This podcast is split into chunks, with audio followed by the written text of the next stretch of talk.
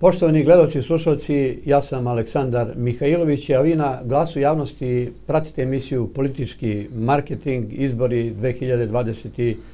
godine. Dobrodošli. Znate da imamo više snimanja, više emisija, više kanala i svi ti voditelji se za svaku emisiju pripremaju. Ja sam odlučio da je došlo vreme da odem i do frizorskog salona u Komšiluku da se i očišam, što bi se reklo. Dok me je frizerka Jelena šišala, ja je pitam za koga ćete vi da glasate? Kaže, ne znam, do sada nismo imali neku praksu da idemo na izbore, ali evo, neke mušterije dolazi i kažu, konačno su se na našoj političkoj sceni pojavili neki novi, u koje može da se ima poverenje ljudi koji imaju već veliki ugled i koji mogu da urade neke promene za dobrobit svih. Pitao sam, a o kome se radi i kada mi je rekla imena, ja sam sebi dao zadatak, e ti ljudi moraju da budu gosti jednom prilikom u mojoj emisiji. Prema tome, ako je komšija procenio, koji nije do sada išao tako često na birališta, da je došao trenutak za promene, da smo došli do zida, do duvara, kako to narod kaže, da je minut do 12, onda za te korenite promjene treba da bude neko stvarno novo sa novim idejama, novim pogledima i da one koji su se već zamorili, koji su se već potrošili, zameni i pomogne u daljem razvoju i očuvanju Srbije. Prema tome, danas imamo čast i priliku za mene čast da razgovaram sa ljudima o kojima je govorio komšija i ljudi koji izazivaju strahovito veliko poverenje u javnosti i ja njih znam na isti način kao što je poznavao komšija i evo dozvolite mi da ih danas pozdravim. Pa evo da, da krenemo prvo sa profesorom doktorom Alekom Račićem koji je bio više puta naš gost, ali ovoga puta kao posebni gost kandidat za gradonačelnika Beograda i dobrodošli. Bolje vas naš. Naš također dragi gost koji je često bio ovde profesor dr. Miladin Ševalić i on je kandidat za predsjednika Srbije. Najveći izazov u celoj priči ima, ja sam mu nevezano pre emisije rekao da ima protiv sebe ogromnu armiju, ali tu je snaga čoveka. I neko ko ima strahovito veliki ugled, ne samo u Srbiji, na ovim prostorima, nego i širom sveta, koji je u posljednjih par godina izuzetna velika medijska ličnost, koji je prepoznao snagu i ono što se preko ove grupe građana o kojoj ćemo danas dogovorimo spominje, dao veliku podršku i koji je nosilac liste, profesor dr. Branimir Nestorović. ti bre, ti nas nahvali kod da smo Lepo zvuči. Lepo zvuči. Viš, ovo se zove koalicija, sad slušamo profesor, profesor, tri profesora da. protiv da. sistema. Mogla bi tako se zove stranka, ali tako? Vođe promjena. Da.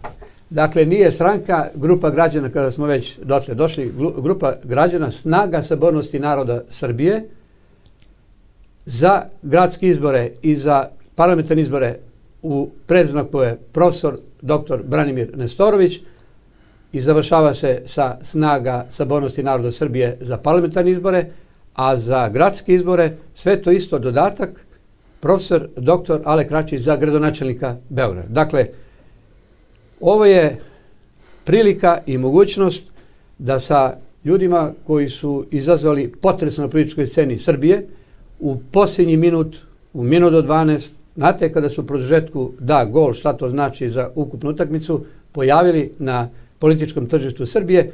Dakle, sa velikom pažnjom se prati ta nova grupa građana, već ima i određenih podmetenja, ima obstrukcija sa notarima, sa overivačima, te svi su dobili kolektivno koronu koje više je u, u nekoj fazi silaženja i tako dalje, ili imaju neke druge bolesti, ili izvana da negde moraju da idu, ili imaju vremena tek posle nedelje a posle nedelje znate znači, tada su već sve liste predate i zaključena su vrata u Riku što se toga tiče.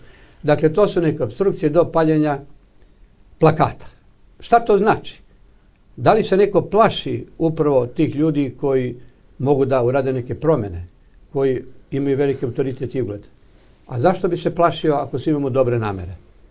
Evo, o tome šta je njih opredelilo da budu kandidati i da imaju velike izazove životne za gradonačelnika, za predsjednika Srbije i neko, kako ja volim da se šalim, ko daje vazduhovnu, vazduhoplovnu ili vazdušnu nekada podršku i nosilac je tih listi, danas ćemo i da porazgovaramo.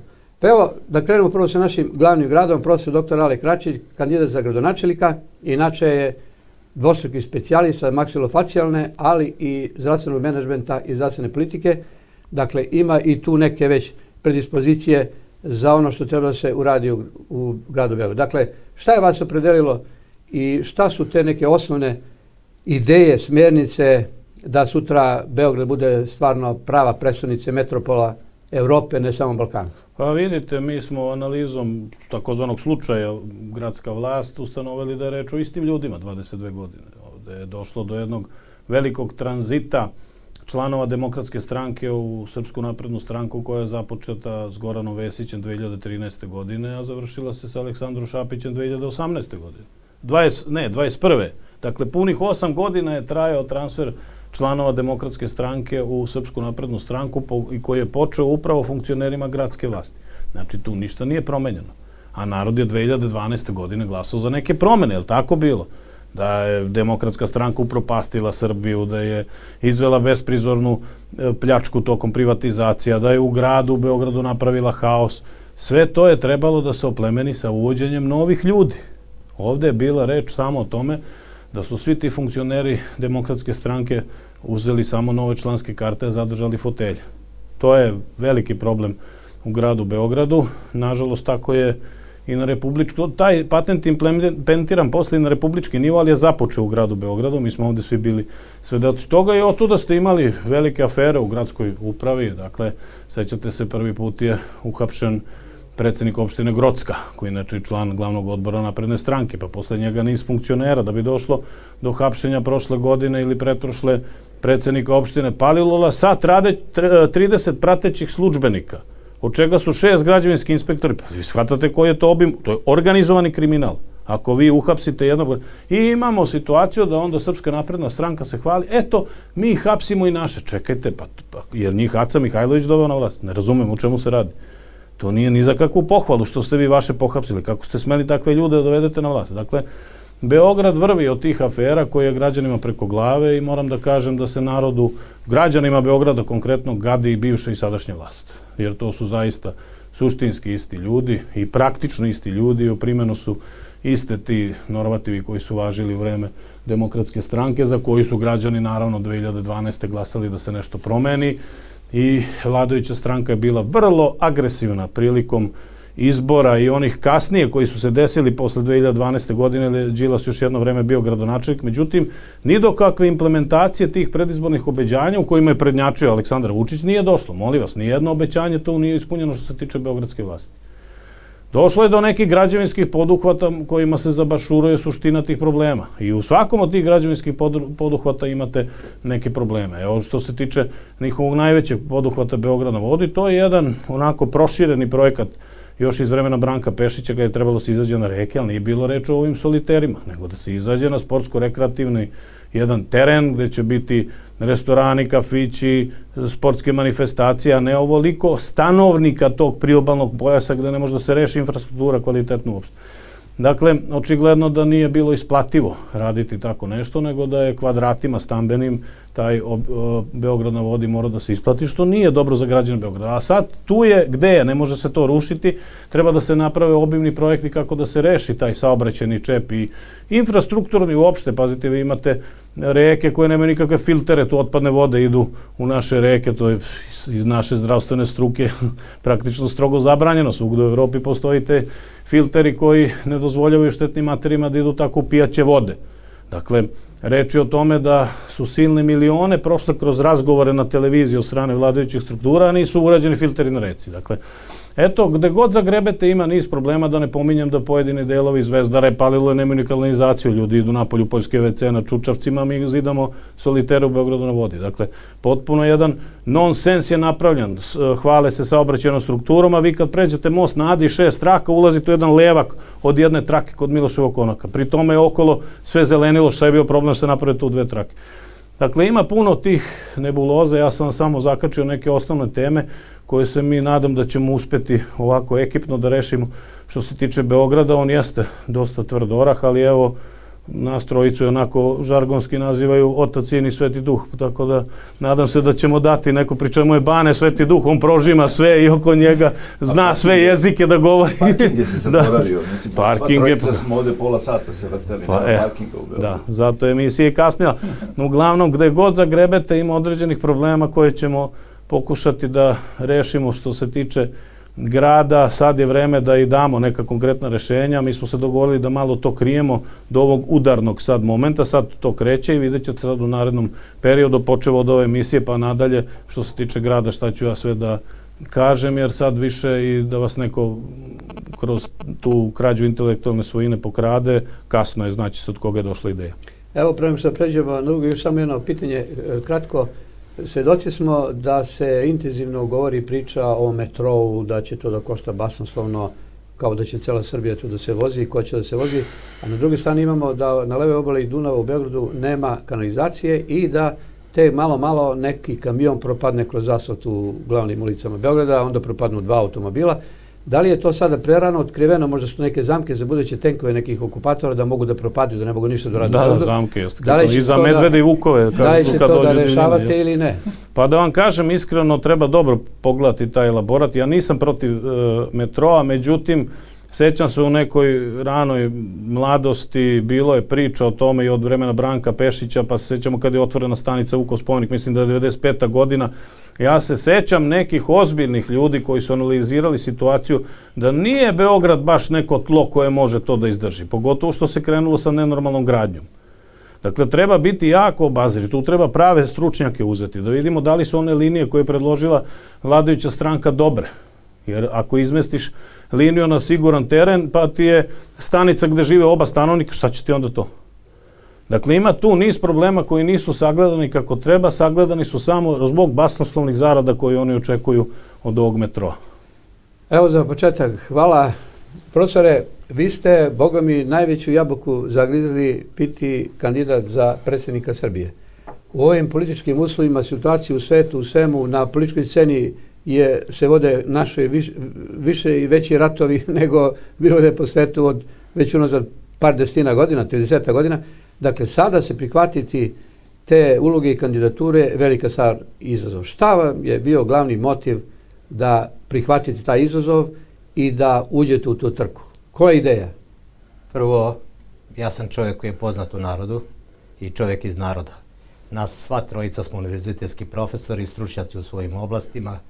Vezuje nas sve to trojstvo, ali ne u onom samo duhovnom smislu koje je malo pre Aleks spomenuo nego vezuje nas ekologija, zaštita životne sredine, vezuje nas zaštita zdravlja i vezuje nas prehrambena sigurnost, odnosno proizvodnja ekološki zdrave hrane koja nije genetički modifikovana i da na taj način obezbedimo zdrave generacije. Dakle, to je jedno, drugo, uh, moja postojbina je selo Preljina. Prema od prve popisa, odnosno crkvenih knjiga iz 1836. godine, pa do danas ja sam deseta generacija.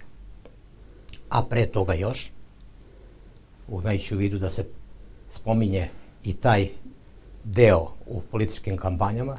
Treće, mi nemamo partijsku podršku, jedino što možemo da imamo to je podrška naroda, narod očekuje promene. I nas trojica, bez obzira što imamo tri različita profesionalna pristupa, imamo jednu viziju, a to je Srbija, promene ka boljem. I to je naš praktično zajednički zadatak u narednom periodu. Za razliku od partijskih lidera na mestu predsjednika države, koji su bili ili vođe partijskih navijača ili koalicijnih navijača, a, predsjednik Republike treba da ujedinjuje narod mi u Ustavu imamo samo 10 članova kojima se regulišu nadležnosti predsjednika Republike. A u zakonu o predsjedniku imamo 49 članova, od čega dobar deo se odnosi na pomoćna tela, odnosno generalni sekretarijat i druge službe vezane za funkcionisanje predsjednika, ali samo je u prvom delu razrađene te nadležnosti predsjednika koje su definisane Ustavom. Dakle, mi imamo državu u kojoj ne postoji podela između zakonodavne vlasti, izvršne vlasti i sudske. Bez obzira što smo imali a, praktično u Ustavu definisano da je sudstvo nezavisno, mi smo sproveli referendum da bi to još jednom potvrdili sa manjinskim učešćem građana Republike Srbije. A, želim da kažem da ću kao predsjednik Republike Srbije svečanu zakletu položiti u narodnoj nošnji. Pa vi ste po tome poznati ranije dok ste bili poslanik i to je upravo narod pozitivno prihvatio, kaže, vidi se da je za narod iz naroda i da želi da se bori za interese naroda, ne samo neke uske grupacije ljudi. Dakle, želeo to da- jeste brend. Želeo bih da istaknem dva, dva citata, odnosno da ih prepričam, ne verujem da sada mogu baš od slova do slova da ih navedem, meni izuzetno značajnih sagovornika. Jedan je počivši najrodoljubiviji pesnik Srbije iz Gruže, Dobrica Erić, koji je u svom intervju od 10. augusta 2001. godine Čačanskom glasu između ostalog rekao narod koji se prevario i prezreo svoju prošlost, budućnost dočekati neće. To je rečenica nad kojom moramo svi da se zamislimo, a svedoci smo da u poslednjim decenijama mi sve više napuštamo svoju tradiciju, svoje čiriličko pismo, svoj jezik i sve ono što nas vezuje kao srpski narod uz svo uvažavanje i drugih narodnosti koje žive na teritoriji Republike Srbije. Drugo, mi smo potpuno izopštili iz političkog i ekonomskog a, života jedan značajan deo populacije, odnosno građana Republike Srbije, koji žive i rade u inostranstvu i ovde se pogrešno sugeriše da je najveći donator Republike Srbije Evropska unija sa oko 200 miliona evra. Nije tačno. Najveći donator su naši ljudi u inostranstvu, u rasejanju, koji svake godine daruju svojima u Srbiji bez ikakve obaveze vraćanja i bez tenderskih postupaka ili ne, oko 3 milijarde evra. Zamislite samo u režimu ove vlasti od poslednjih de, praktično 10 godina, to je 30 milijardi evra. Šta bi bilo sa našim budžetom da nije bilo tih 30 milijardi evra? A oni, njima je oduzeto pravo čak i na Skupštinu dijaspore i na njihovo barem simbolično učešće u političkom životu. A o tome da su ekonomski potpuno ignorisani u odnosu na favorizovane inostrane, takozvane inostrane investitore, nema ni govora. I najzad, e, kad se radi o onom trećem delu nadležnosti predsjednika, to su funkcije vrhovnog komadanta, javnosti verovatno da nije poznato, ja sam jedan od redkih profesora univerziteta na teritoriji bivše Jugoslavije, koji istovremeno predavao u poslednje tri godine pred raspad Jugoslavije, istovremeno na šest univerzitetskih centara ili u šest univerzitetskih centara, Beograd, Čačak, Sarajevo, Mostar, Osijek i Vinkovci. A je posle toga još deceniju i po na Vojnoj akademiji u Beogradu. Prema tome, vrlo dobro znam generacije oficira koji su danas stigli već do čina potpukovnika i pukovnika, a i sve načelnike Vojne akademije u poslednjih dva, dve decenije. I najzad a, treba reći da Srbiji ne treba a, nekrunisani suveren kome ćemo svi da se podredimo, nego nam trebaju jake institucije koje će da štite pre svega dve, tri grupacije, a to je prvo a, one koji su socijalno ugroženi i obespravljeni, od one korisnika narodnih kuhinja pa nadalje dece bez roditeljskog staranja, starih iznemoglih ne samo u gradovima nego i sve više u selima koja su demokratski opustošena. Zatim drugu grupaciju čine ekonomski razvlašćeni i osiromašeni radnici koji su prošli sve te gobe privatizacije i treću grupaciju čini osustvo srednje klase gde ubrajamo i nas profesore i nastavnike i radnice, odnosno vaspitačice u, u dečijim vrtićima, a, medicinske radnike svih nivoa od lekara preko sestara, tehničara, laboranata i tako dalje. policiju, vojsku i tako dalje. Znači, njima se mora posvetiti posebna pažnja. U ovoj prehrambenoj i uopšte globalnoj krizi, gde Srbija ima prednost, to je suficitarno proizvodnje hrane, i Srbija, u Srbiji nije problem, neće se postaviti problem gladi. Srbija može da prehrani sve gladne, ali ne može da zadovolji apetite alavih, nezasitih na onom drugom kraju, koji čine vrlo malo učešće u ukupnom delu srpskog stanovništva. Hvala za početak. Pre nego što nam budete rekli i otkrili tajnu koji su prvi potezi kao gradonačelnik i predsjednika, da čujemo vazduhoplovnu podršku, kako smo rekli, dakle, Pazite, profesor dr. Branimir Nestorović je neko ko ima strahovito veliki ugled, ali kada se on prihvatio da da podršku ovoj grupi građana i ovoj koaliciju koje je 10-11 udruženja, pokret i tako dalje, dakle, šta ste vi tu prepoznali kada ste sebi rekli da, to su pravi, vjerojatno, da dam njima podršku i da budem nosilac lista? Pa, ja sam kao i Miladin relativno star čovjek, mislim, znači dugo sam na, da kažem, u opticaju i dosta ljudi me znalo. Ja, ja sam se uvijek trudio da ljudima pomognem. Kad je počelo ovo čudo sa ovo, ovo, ova operacija specijalna ovaj, sa koronom, onda su ljudi bili u jako teškoj situaciji i tu sam ja verovatno malo više iskočio, pa sam postao tako, kao što ti kažeš, moj medijska ličnost i ovaj, I onda naravno odmah je krenulo vrbovanje. Znaš, političari su vrsta ljudi koja samo gledaju one rejtinge, oni dan i noć gledaju kako, koliko ko ima glasova i razne opcije su se mi nudile, mislim, nema razloga da, da budem ovaj, neskroman. I meni jedna od tih opcija nije odgovarala. Mislim, prvo što je rekao Alek, to su sve ljudi koji su već e, toliko dugo u politici da, pravo ti kaže, mislim, ne znam kako oni sami ne shvataju da, ni, da je vreme da se sklone. Mislim, zato što valjda jednog trenutka vidiš da da si dosadio, znaš, i ovaj. I ja sam na kraju odlučio, Milani zna, dolazio kod mene, mi smo razgovarali, se rekao, ove izbore treba propustiti zato što ne odlučuju mnogo, znači ove će vodeće stranke sigurno da padnu, ali ovaj, ne znam s kim, mislim, s kim. Ne. I onda sam se tako odlučio i rekao sam, neću, ma neću, ja da ću formirati neki svoj pokret, pa će to na sledeće izbore i tako dalje. Onda je jedan klinac koji, s kojim komuniciram, jedan sjajan klinac s kojim komuniciram preko društvenih mreža mi je napisao pre deset dana, rekao je da li mislite da imate pravo da te ljude koji vas voli podržavaju izdate i da bacite te glasove u vetar. Znaš, baš onako, mislim, dobra poruka. Ne? Međutim, opet je ostalo pitanje s kim i onda smo se prepoznali nekako. Ja i Alex smo u koroni bili saborci, imali smo zbog toga puno problema, da se nalažemo mislim, njega su i privodili, mene su hteli, pa su nešto se predomislili i tako dalje. I tu se pokazalo o čemu se radi. Kad je došla ova, ova priča sa Ukrajinom, ja mislim da sam prepoznao taj moment koji je, čini mi se, za nas ključan sad, Srbe. Nama se se sad otvorio jedan prozor. Kako kaže on Englezi u Window Opportunity, onaj, onaj prozor ovoga. Mi sad odjednom imamo neku šansu. Mislim, ali da bi imali šansu, mi moramo da izađemo iz starog šablona. Mi moramo potpuno promenimo paradigmu.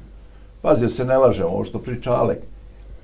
Još gore je, nisu ti ljudi koji su partijama vodili Srbiju, nego nevladine organizacije i Evropska unija, da se ne lažemo.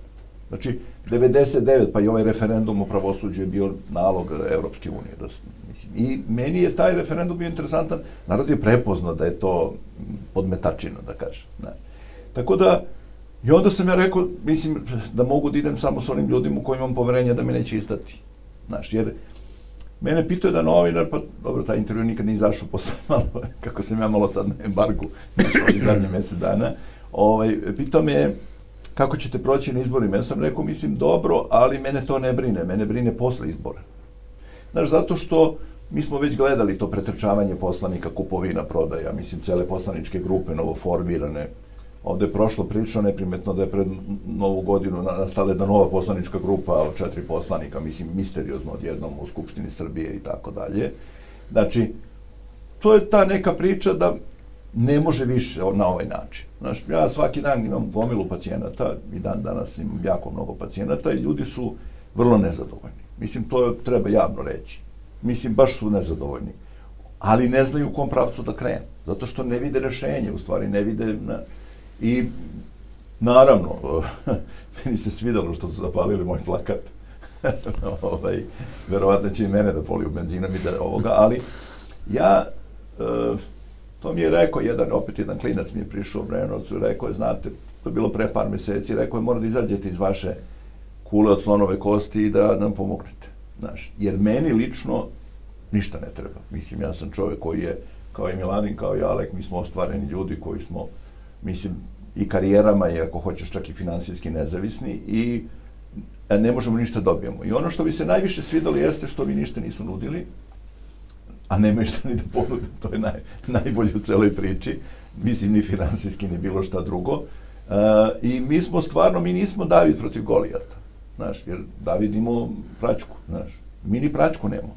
Mi jedino što imamo, ovo što kaže Miladin, mi imamo na, mislim, narod je, nadamo se, će da, da će prepoznati, da će stati iza nas. To je jedino što imamo. Evo, gledajte, ovo sad skupljamo potpisa, mi nemamo infrastrukturu, mi nemamo novca, mislim, naj, najelementarnije troškove, mislim, marketing, mislim, ovo, ovoga, billboardi ne, i tako dalje. Ja lično mislim da je to super, znaš. Meni je interesantno, prošle godine u Americi jedan šofer kamiona pobedio demokratskog guvernera koji je uložio milione evra u kampanju, on je uložio 12.000, mislim, dolara bio, rekao je neću da imam kampanju i ljudi su prepoznali da to u stvari to. I ja mislim isto to, da nama ne treba neka velika kampanja. Mi treba na ovaj način, ovim podcastima ili sa na državnim televizijama i kad se budemo pojavljivali, to će biti po tri minuta, ono, da ti ključa, da ti onaj stalno kaže, sad ste pri kraju, molim vas, završite, ali tako? Da pošaljemo poruku što mi želimo, ali najjednostavnija poruka koja postoji, promena. Znači promena, ali ne promena, kozmetička promena, suštinska, korenita promena. Mislim, mi moramo da postanemo prvo država, Miladin je bio sa mnom u emisiji, kad tad su bi zabranili dalje da nastupa na emisijama, znači sam počeo emisiju, pitali su me nešto o, o, o, nekom, ja sam rekao, mi moramo prvo da imamo državu da bi mogli nešto da je uređujemo. Mislim, mi sad nemamo državu, da se ne lažemo. Mislim, mi moramo da odustanemo od te priče kao idemo u Evropu, kakvu crnu Evropu, mislim, mislim, pa to je sad potpuno besmislena priča, mislim, a kad izađemo iz te priče, mi onda imamo tek šansu. Dokle god slušamo njih, mi ne možda mrdnemo nikad. Eto, to je bio neki moj motiv, nemam, kako bi rekao, nikakav lični motiv, ali eto, prepoznali smo se. Ja mislim da smo se prepoznali, vrlo su nam bliske ideje na kraju, evo ja i Aleksa znamo jako dugo. Miladina nešto kraće, ali mislim, meni se sviđaju njegove ideje, mislim. A drugo, ili treće, moj deda je bio krojač narodnog odela Avadžija, I meni je mnogo žao što je moje odelo, pojeli su moljci, mislim, ovaj, u nisam ga dovoljno nosio, sad sam u procesu nabavljanja novog, mislim, ovoga, tako da mi se recimo sviđa Anterija i Šajkača i tako dalje. Pa lepo za uvod. Malo pre smo rekli da ćemo otkriti možda neke tajne. Ti prvi potezi su možda i ključni u celoj priči, kažu po jutru se dan poziv. Dakle, kao gradonačelnik, puno je zadatak i obaveza, ali šta bi bilo među prvim? Loše je napravljena struktura poslednjih To je krenulo još u vreme demokratske stranke sa uvođenjem, pazite, od raznih gradskih funkcija koje su bespotrebne. Evo ova jedna funkcija zamenika gradonačelnika, meni uopšte nije jasno što to, ja, uh, koliko se ja sećam, to je uvedeno 2008. godine za Andriju Mladenovića. Jer nisu znali šta da rade s njim, pošto je on napustio DSS, pa je osnovao samostalni DSS, pa ajde ti budi Đilas u zameni gradonačelnika. Tako je nešto to bilo. I onda je Vesić to iskoristi sad i on postao neki za... Znači, to su bez veze funkcije koje ne trebaju ništa gradu Beogradu. Šta će zameni gradonačelnika?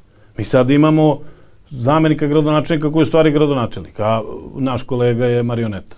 Znači, to je, ne sme da se dešavaju te stvari, ili se gradonačelnik i nisi. Evo, to je prva stvar. Znači, predlog da se ukine funkcija zamenika gradonačelnika. Ne treba ta još jedna plata. To treba da ide negde u humanitarno, ili nije bitno sad, ajde, neću da pravim nekakav lažni politički marketing, ne treba funkcija zamenika. Drugo, šta rade gradski sekretari? Opet ima nekih pomoćnika gradonačelnika tamo 5-6. To isto nema potreba ako imaš gradski sekretarijate.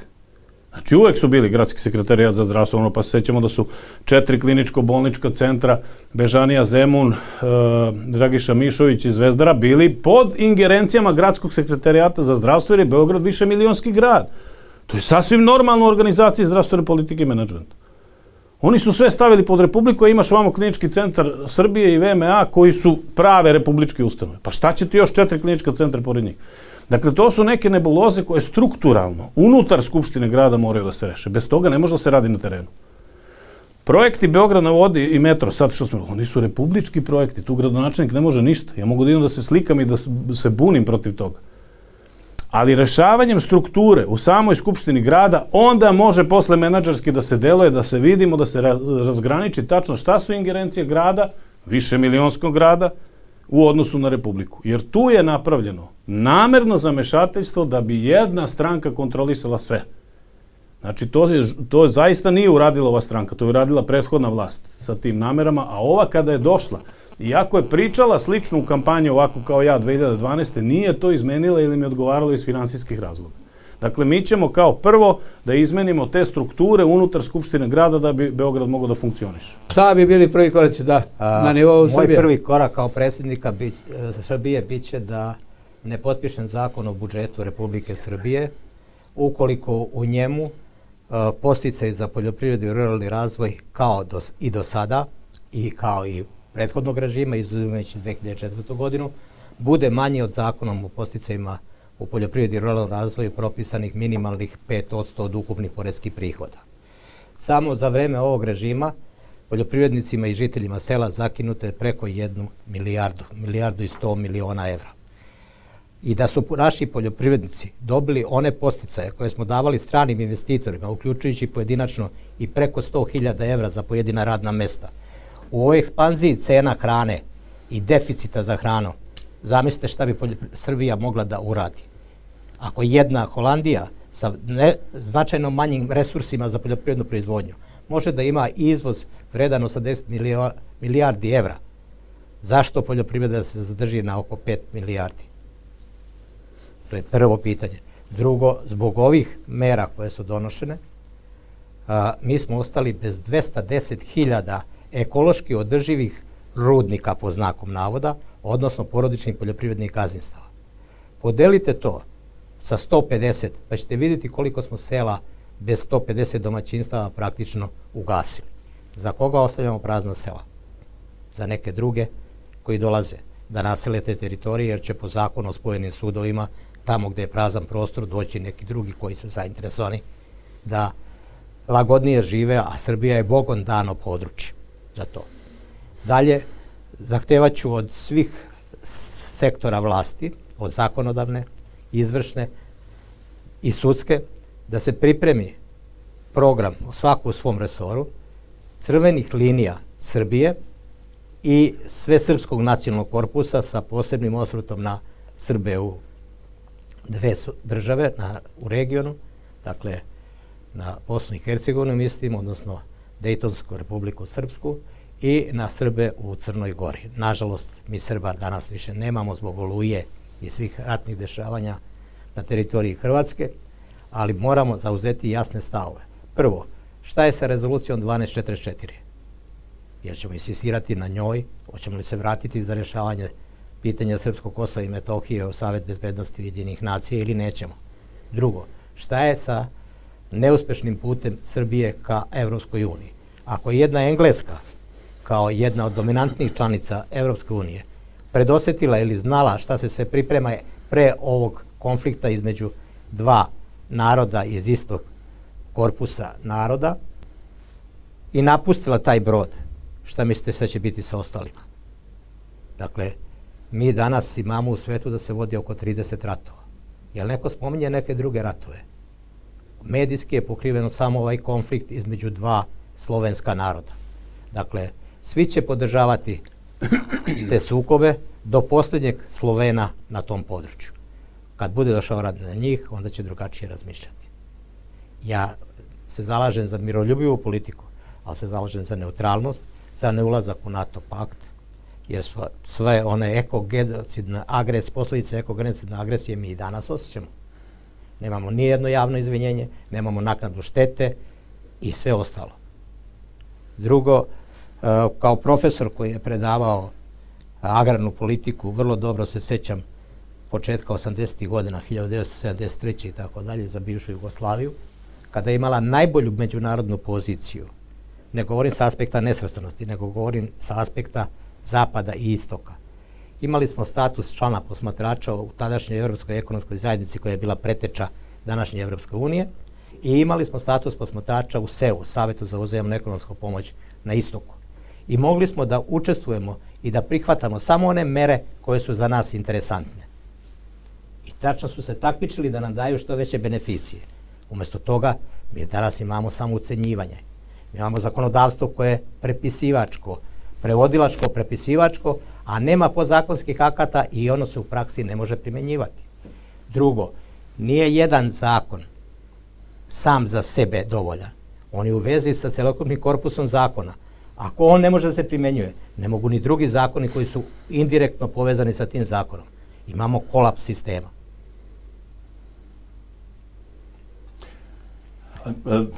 Mogu ja da kažem samo jednu rečenicu, Može, me kako da asocirala.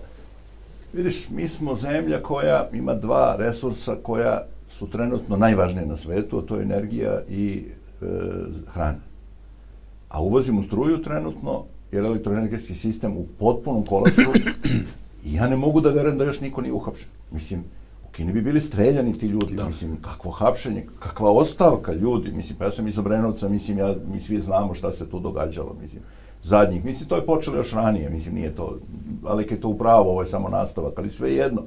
Znači, zemlja koja može da izvozi struju, i izvozili smo struju, ali tako, pazi, pola termoelektrane u Obrenovcu za Nemačku išlo struje, mislim. Znači, u ono vreme kad je Srbija imala fabrike, ozbiljne fabrike, mi sad uvozimo struju, mislim, postavlja se pitanje kao nema uglja, mislim, razumeš onoga, mislim, kao kopa se nekvalitetan ugalj. I pričamo o tome da ćemo imati, da uvezemo hrane, da uvezemo hranu. Mislim, Srbija dovozi hranu. Ja sam slučajno poznao čoveka koji je um, radio sa Amerikancima, on mi je pričao da je Srbija 1876. godine bila uh, najveći izvoznik šljiva u Ameriku. Mislim, ovaj, kaže, tamo je bio i spomenik, čak jedan mali ovaj, koji je bio tamo stavljen. Znači, mala Srbija, polupismena, nikakva, mislim, da kažem, u to vreme polukolonijalna još bila turska vlast, tako? Tek, se, tek su se oslobodili, da kažem, Turaka ovaj, formalno, je mogla da izvozi u Ameriku, mogla da izvozi sve živo. Mi sad diskutujemo da li ćemo imati hrane, a razlog je veoma jednostavan. I meni se sviđa ovo što se događa na svetskim tržištima, jer će uvoznici nekvalitetne hrane, GMO i bilo čega drugoga, koji uništeše našu poljoprivredu, mislim, je tako, da propadnu. Jer jedva čekam da taj, svi se nešto kukaju na kurs evra, kurs evra mora da propadne, kažu mi ekonomisti, jer je nerealan potpuno. Ne može dve godine, pa ste 117 dinara dve godine evro stoji. Mislim, to znači da nema inflacije u Srbiji. Ali gorivo je poskupilo sa 50 dinara, mislim, hrana je poskupila, mislim, 15%. Kako nema inflacije? Taj se kurs drži da budemo realni, mislim, potpuno i otvoreni. Drži se zbog uvoznika. Jedna mala grupa, jedan mali procenat, uvek je taj mali procenat u tom zapadu, ljudi koji odlično živi zato što i onda će da uvesti ta, te jeftine proizvode, nekvalitetne, mislim, hrane sa zapada i uništit će našu proizvodnju. Mislim. I to je suština naše priče. Mi moramo da revitalizujemo selo, to je moja obsesija zadnjih 15 godina, ne samo radi proizvodnje hrane, nego radi mentaliteta. Jer je selo ono što je Srbija održala u Prvom svetskom ratu, Drugom svetskom ratu, bunama na Dahije i tako dalje i tako dalje. Eto, to je ta priča i ima ona, ono iz oni bune za Dahije, kad sam to pomenuo, nije rad, kavzi nisu radi, jel tako, ni ovi, ni oni, ali je rada sirotinja raja koja zuluma više trpiti ne mogu. Mislim da mojim kontaktima s ljudima, mislim da je ljudima stvarno dosta svega. Mislim, mi, mi im nudimo, e, ja nudim reč da nećemo promeniti posle izbora priču. Mislim, sasvim sigurno nećemo promeniti priču. Mislim, jer mi smo bili sve, svedoci, jedno se priča pred izborom, tri dana posle Da. ovoga. Pa bar naš četvorica nema potrebe da to da radi. Mi nemamo potrebe to da radimo. Jer vidiš, mislim, uh, jedan od razloga što sam odlučio da se angažujem jeste ove čudne poruke koje naša vlast šalje povodom sankcija Rusiji, koje nisu baš jasne, mislim, znaš. Kao mi nećemo... I, I Belorusiji. Da, a Belorusi Pre su već toga. uveli sankcije, Da. mislim, je li tako?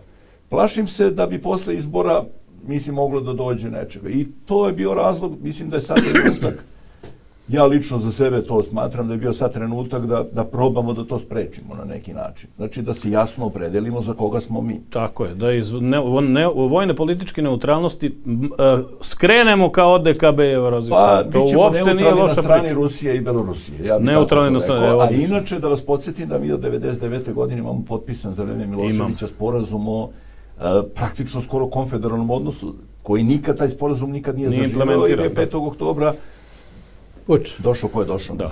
Je tako? Ali mi suštinski, mi smo član Evroazijske unije, mi smo praktično član unije, mi smo praktično svojoj bratskoj državi Belorusiji, koja nas je pomagala kad je bilo najteže i s kojim, koliko znam, pričajući sa ljudima iz vojske, Imamo trenutno odlične saradnju u oblasti vojske. Kad je bila ona barada prošle godine, 9. maja, prikazan je raketni sistem Belgrad, da. koji se radi u saradnji sa našima, je li tako? Znači, to su nama ljudi koji nas vole. Ko sprečava priznavanje Kosova? Rusija, Kina. Belo, mislim, Belorusija nije član Savjeta bezbednosti, da, ali na našoj su strani. Ko podržava Srbe u Bosni? Rusija i Kina. Šta ćemo da ostavimo sve to, mislim, da bi otišli u Evropsku uniju, da bismo dobili članstvo u Evropskoj uniji. U ovom trenutku kad Evropska unija već je vidljivo da pukla. Tako je. Rekjuče Nemačka berza bankrotirala. 22% je pali su indeksi na berzi. To se zove bankrot. Je tako? Prema tome, mislim da nema potrebe dalje više da pričamo. Znači, hoćemo li se opredeliti? Kad se opredelimo, sve je jasno. Zato što ćemo mi prepisati ruske zakone koji se meni sviđaju, recimo, pošto ja sam više sa tim pedofilima ne mogu više da gledam. Da, užas. U Rusiji, kod nas su ono pedofila pustili i sudija je napisao obrazloženje da pošto je medijska pažnja propustila, sad nije, nije toliko važno da ide u zatvor. Strašno. Napisao u obrazloženju sudija, ja sam rekao javno na nekoj televiziji, rekao sam, hoću da vidim tog sudiju za uhapšenog. Mislim, nema priče uopšte. A Rusi su svoje pedofile šalju arktičke rudnike nikla. Doživotno. Tako to treba. Ako hoćemo da imamo zdravu državu, mene i interesuju klinci. Ja sam odlučio da se bavim omladinom, mislim i klincima. Znači, ako može da pomognemo ovima koji imaju probleme i da stimulišemo našu decu koji su genijalna ljudi. Pa pogledajte te medalje koje naši osvajaju da. po raznim prvenstvima. Pa fenomenalnu omladinu imamo.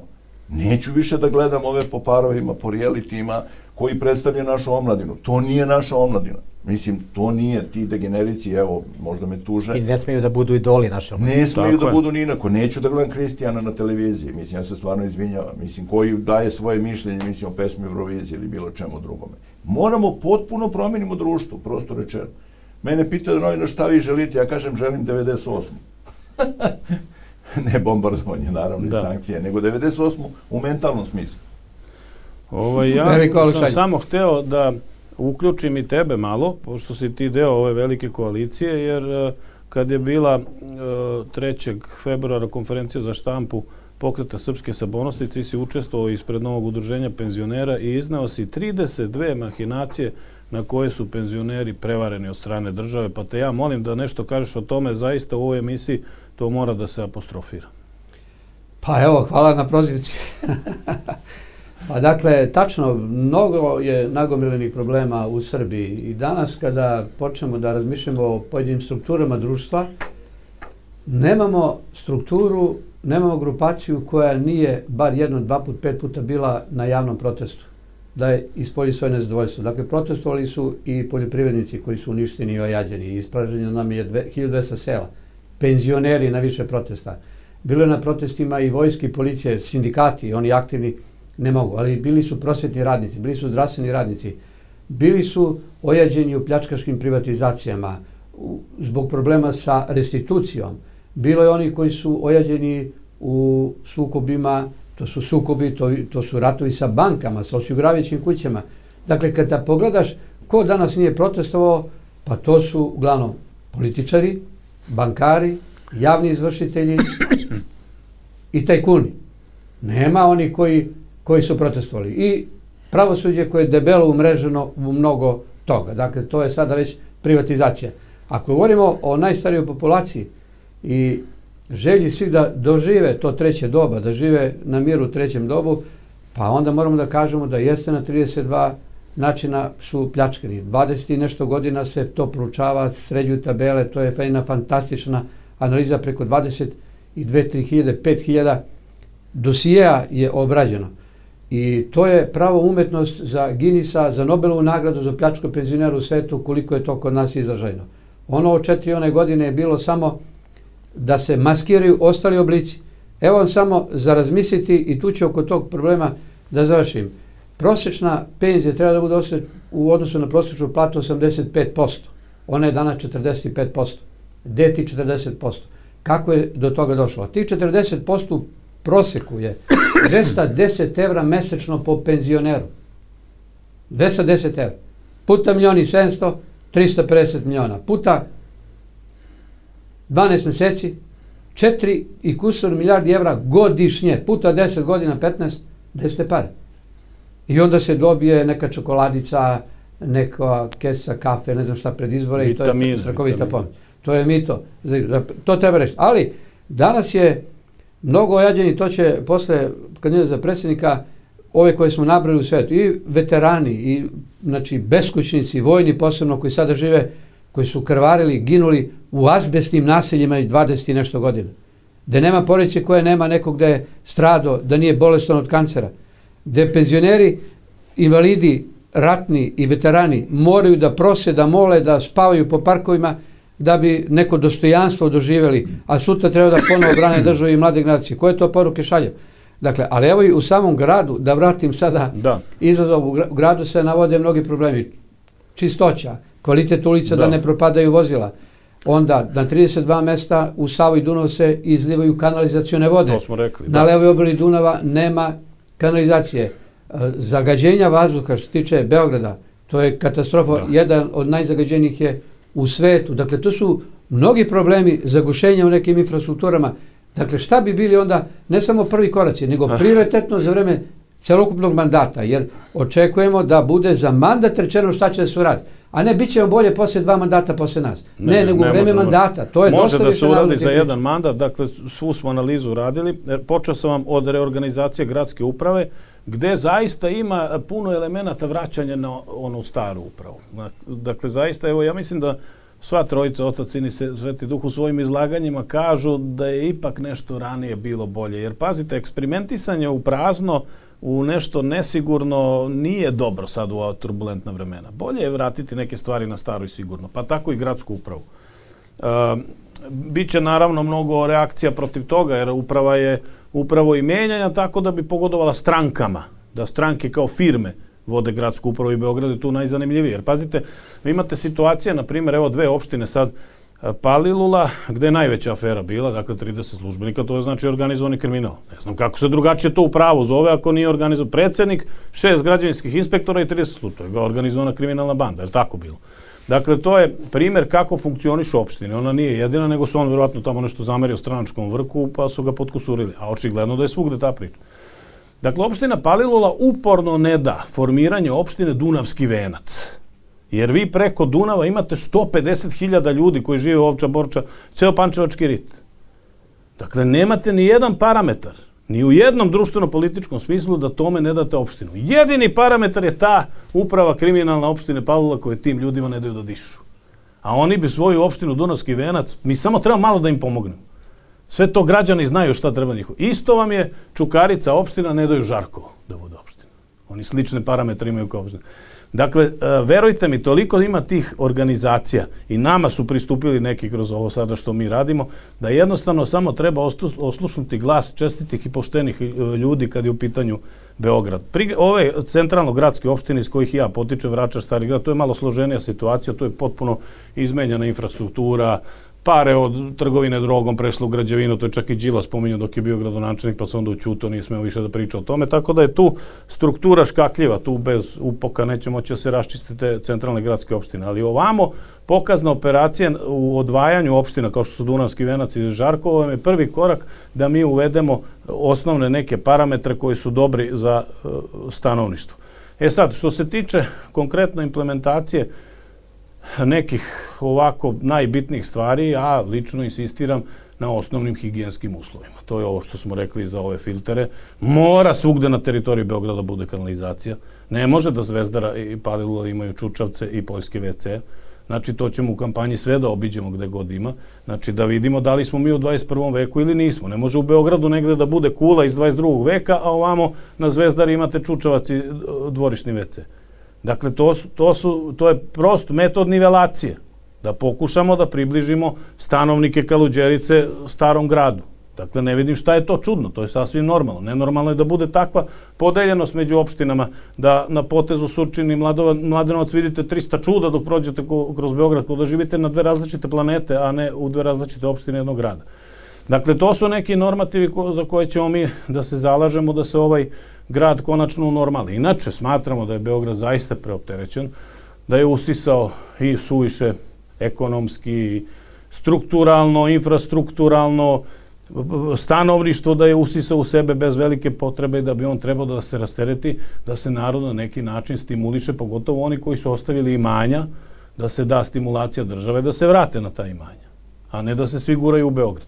Ali to nije do Skupštine grada. Tu će morati da bude tesna saradnja sa rukovodstvom republičkim, da se jednostavno takvi ljudi ubede da je bio pogrešan potez da su potrebni državi ako se vrate na svoje imanje, na dedovinu, da je zanove, da se daju zaista basnoslovna sredstva da to selo zaživi. Beograd će isto učestvovati u tome, jer vi imate Sopot i ove prigradske opštine gde ima takvih imanja. Dakle, tu Skupština grada treba da se isprsti. Ja konkretno, ako se budem nešto pitao sa tim budžetskim sredstvom, to su narodne pare, sigurno ću se isprsiti. Znači, neće vam ni jedan stanovnik Beograda biti protiv toga da se, recimo, ona silna PKB-ova imanja koje su uništena povrate na taj način, da ako već ne, ne uzme država, to uzmu neki ljudi koji su sposobni da se balje poljoprivredom. A ne da se od svega pravi građevinsko zemljište. Sad će to nama. Nema nikakve potrebe za tim.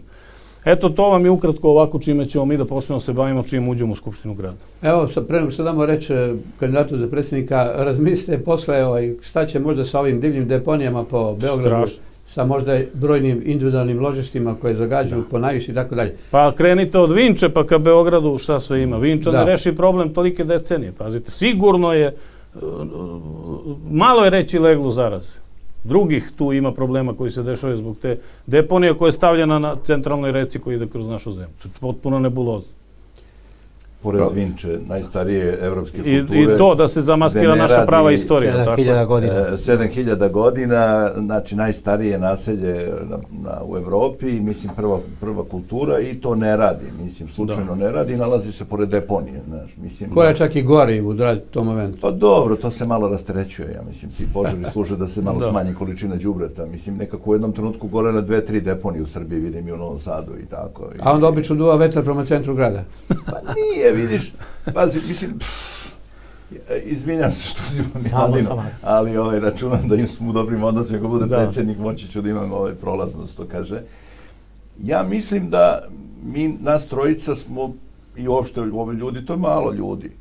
Ja mislim da je uvek ista greška pravljena, znaš, da kad mala stranka, ja sam gledao G17 recimo, jedna mala stranka kad uđe u parlament i uđe u vlast, prvo što uradi sve svoje ljude rasporedi na ključna mesta i to više ne funkcioniše. Mi to sigurno nećemo raditi. Da.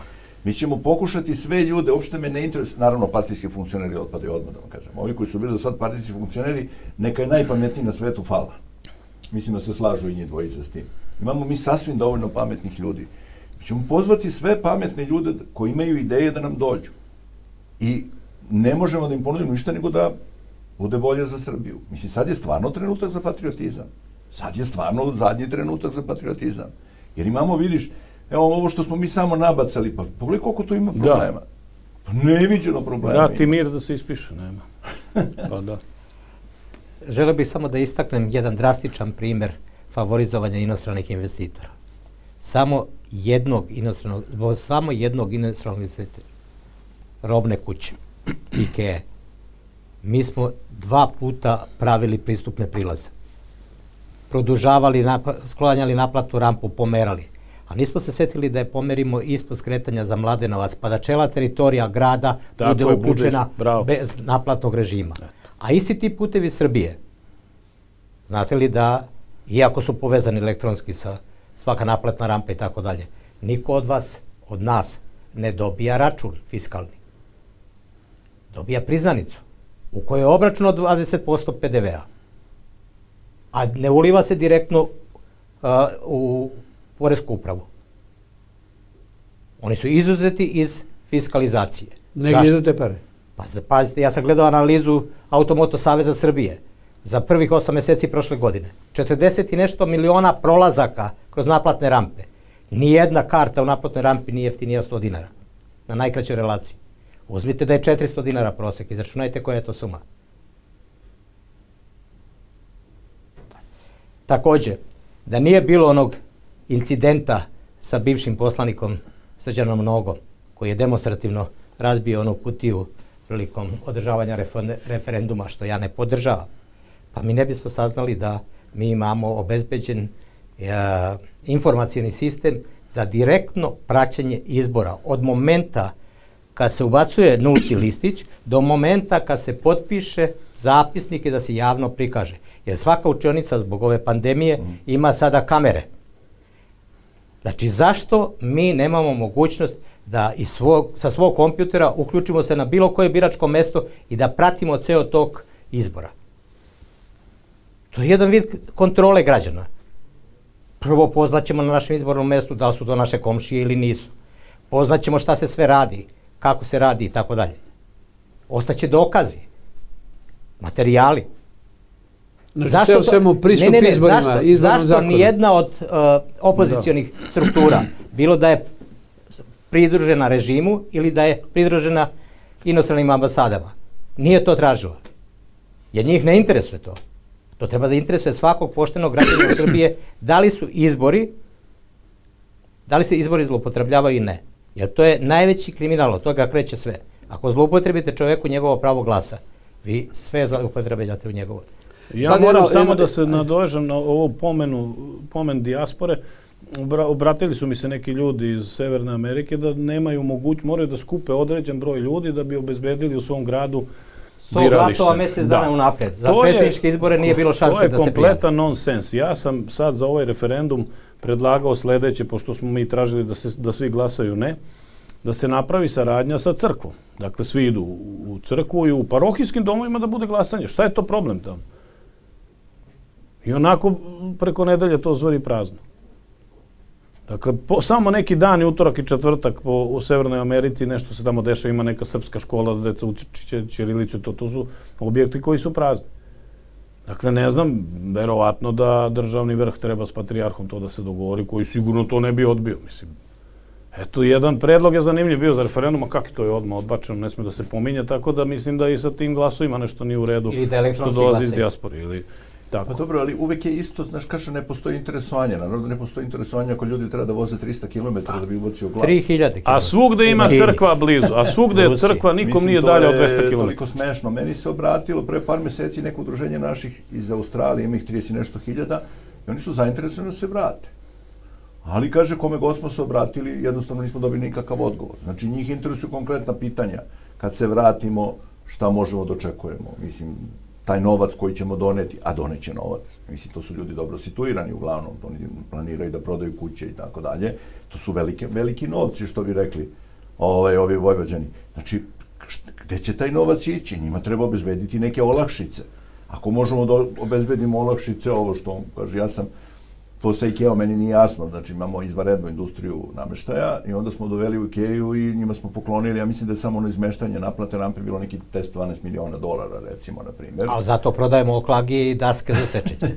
Znaš, oni ne kupuju nikakav nameštaj od nas, a mi imamo, ja sam imao nekog pacijenta koji ima neku fabričicu nameštaja i tu sam saznao da mi preko milijardu dolara izvozimo godišnje nameštaja. I onda smo doveli Ikea, nemam ništa protiv Ikea, mislim, neko oni dođu, brate, mislim, ovaj, ovde u, u našu, ali mislim da sad u ovoj situaciji, pazi, od korone na ovamo, jasno, svaka zemlja gleda svoj, svoj interes. Niko nikog ne gleda, nema to kakve globalne priče, saradnja, unije. Mi moramo da gledamo sebe, bre, mislim, samo sebe. Meni je bilo, samo se vratim, pre jedno sedam dana, otprilike, kad smo mi postigli dogovor da napravimo ovu listu, izađe na jednoj meni vrlo neprijateljskoj televiziji, tako, ovaj, kaže, i to je odgovor na ovo zašto opozicija neće da se angažuje, i kaže, do pre neki dan sve je bilo mirno, kaže, onda odjednom eksplozija. Jer u stvari svi su zadovoljni. Znaš, ovo je sistem opozicija, takozvana opozicija, je vrlo zadovoljna. Oni ni ne žele da dođu na vlast, mislim, ne mogu ni da dođu, realno, mislim, oni nemaju nikakvu snagu, mislim, u, u narodu. Znači, osim Beograda, možda Novog Sada, velikih gradova gdje imaju svoje, oni ne mogu da prođu, mislim, u Srbiji. Ali oni to i ne žele, njima je super. I vi kad gledate, nekako vrlo to interesantno deluje, znaš, mislim, meni je bilo u toku korone interesantno, retorika vlasti i retorika opozicije bila, samo se razlikovalo što je opozicija bila radikalnija. Oni su predlagali uvek strožije mere, mislim, sećaš se ono policijski Da. čas i tako dalje. Pa kakva je to opozicija koja ima potpuno iste stavove kao vlast? Mislim, znači sve podržavaju, jel tako? Mislim, apsolutno sve što ovoga. Kao, kao napadaju se, gde se napadaju po pitanju afera. A onda i ta produkcija afera dođe do, do, dođe do nekog nivoa da ljudi više ne mogu slušaju to. Meni kažu ljudi, ja ne možeš više da čitamo to više, ova afera, ona afera, ovaj je ukro onoliko, ona je ukro onoliko. Znači, kao prvo, recimo, ja, kad bi bio neki, što kaže, funkcioner državni, ja bi ukinuo službene automobile. To je prvo i osnovno. Ne, čak nije važna ušteda, meni su objašnjavali kao to nije velika ušteda. To je gest dobre volje prema narodu, da pokažeš da si ti deo jednog naroda. Kako onaj vozi kola svoja, ti vozi kola. Nek mu plati grad, opština, republika, nek mu plati benzin, nek mu plati parking, nek mu da neki novac. Ali šofer, onda ovo, ovo obezbeđenja koje luduju po Srbiji sa 160 na sat, razumeš ovoga, pomoćnici ministra koji idu sa dva telohranitelja. Ljudi, njih niko ne zna ko su. Oni kad dođu na pijacu u Brenovcu, oni ne znaju ko je on, što bi ga ubio neko pobogu, mislim, ili ga da. napao. To je zadovoljavanje neke taštine, skupo zadovoljavanje taštine. Jedan vozač, tako, pa njegova plata, podržavanje automobila, po onda mi, kad sam ja tražio neki novac bio za ovaj, moj centar za autizam, oni kažu, on nema novca u budžetu. Pa to je 10 službenih automobila. 10 službenih automobila sasvim dovoljno. Ove Škode, koliko su oktavije? 30 nešto hiljada evra. 10 je 350.000 evra sa troškovima održavanja, pola miliona evra. Nema novca. Novca ima. Novca ima, samo je preraspoređen na čudan način. Odnosno, onaj trend koji je u svetu isti, ono, pola posto da imaju sve, to sad kod nas dolazi u stvari, u suštini. I moramo malo, bre, mi smo sva trojica, što kaže ljudi iz naroda, ja sam svaki dan u kontaktu s narodom, mora nešto da pružimo tim našim ljudima, mislim, konačno, znaš, ne da budu kao, I namerno je to, mislim, ja razumem i e, ovoga, znaš, stvoreni utisak ne može ništa da se promeni, to je i ovo što sad ovi pričaju, ovi koji će nas napadati, kaže, ma šta, kaže, oni su uz režim, to kao trče, i će bude sve isto. Da, baš. I onda kad će biti sve isto, ljudi kažu što da izađem na glasanje. I ja vidim, meni prilaze klinci, mislim, to mi je baš interesantno, prilaze mi klinci i kaže sad ćemo da izađemo na glasanje ove godine, jer nismo izlazili. To nijedna vlast ne voli. Vlast voli nisku izlaznost, brate. Mislim, 35% izađe, ima svoje sigurne Kad izađu samo sigurni glasovi, da. Naravno, i onda pobede, razumeš ovoga. Svaki preko 60% je rizik. Mislim, meni je to postalo jasno. Mislim, E, mi to moramo nekako da uradimo. To će biti teško zato što nemamo pristup medijima ovim zvaničnim, bit ćemo recenzurisani. Ali sve jedno, mislim, ja apelujem na ljude koji ovo gledaju, kojima se sviđa ovo što mi pričamo, da to šeruju, što bi rekli, da pričaju drugim ljudima.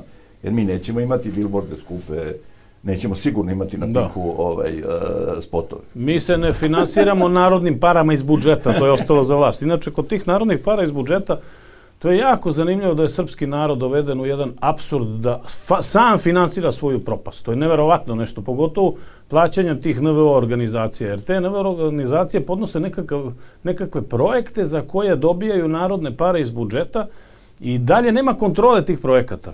Uh, ja sam radio analizu nekih projekata koji su potpuno krenuli na jednu antisrpsku stranu u implementaciji posle i onda sam došao do saznanja da nije to baš tako napisano bilo. Znači, ne možeš ti da napišeš jednu antisrpsku stvar, zaista onda, eto, to, toliki obrisi države se ostali da za to ne možeš da dobiješ pare. Međutim, kasnije u implementaciji, potpuno protiv naroda i države ta organizacija sve uradila, narodnim parama iz budžeta, zato što nema kontrole kako su pare utrošene. Ali, ali, ja sam pao u nesvest mislim, to je bilo kad sam odlučio da se malo angažujem. Kad sam video, poslan mi jedna majka, uh, to mi je posle rekla i pacijentkinja jedna, došao je klinac iz obdaništa i kaže šta ste radili danas, kaže seksali smo se. Eto, I majka padne u nesvest, kaže pet godina klinac, kaže što, kako šta ste radili, imali su predavanje Crveni krst, to sam proverio, znači istina je, apsolutno. Volonteri Crvenog krsta drže neke seminare o, koje sponzoriše Evropska unija o rodne ravnopravnosti, ne znamo tako nečega, ali između ostalog uče dečake da se ljube, mislim, dečak sa dečakom i tako dalje. Roditelji to ne znaju. Ja sam imao vrlo neprijatan razgovor sa jednim predstavnikom Crvenog krsta, ovaj, gde on rekao, znate, oni su organizacija jedinih nacija, mislim, i tako dalje. Ja sam rekao, ali funkcionišu u Srbiji. I morali bi da poštuju zakone Srbije. Da li ovaj narod to želi? Da li ovaj narod želi da mi smo uništili zdravstvo, sad korona je dokusurila zdravstvo potpuno, uništili smo školstvo, znači, ako budemo imamo utice, prvo ćemo Bolonju ukinuti odmah. Zato što da, je to potpuno besmisleno. Ona nam je uništila potpuno fakultet. Tako. Kakva je to studiranje? Ja evo sad, jedan minut ću da zadržim. Ja dok sam ispitivao studente, dođu student ništa ne zna, ja kažem pao si, on kaže ne mogu da me govoriti. Ja kažem pa kako ne mogu da govorim, izvini. Pa kaže ja imam ovaj, na testovima ne znam toliko, asistent mi dao toliko bodova, kaže ja sam već kaže na 51 bod, mislim ja kažem slušaj to se mene lično tiče ti si pao, znači možda me tužiš dekanu, ne mogu da te pustim, kakvi su to bodovi, e, svi znaju da će asistenti dati studentima maksimalan broj bodova, će da prijatelji s njima. Testovi koji se kod nas polažu na fakultetu, svi znaju pitanja godin dana unapred, jer se ne menjaju pitanja, nema rotacije pitanja.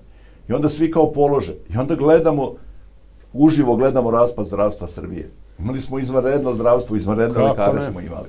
To je na svim, na svim, ali na, na svim poljima je tako.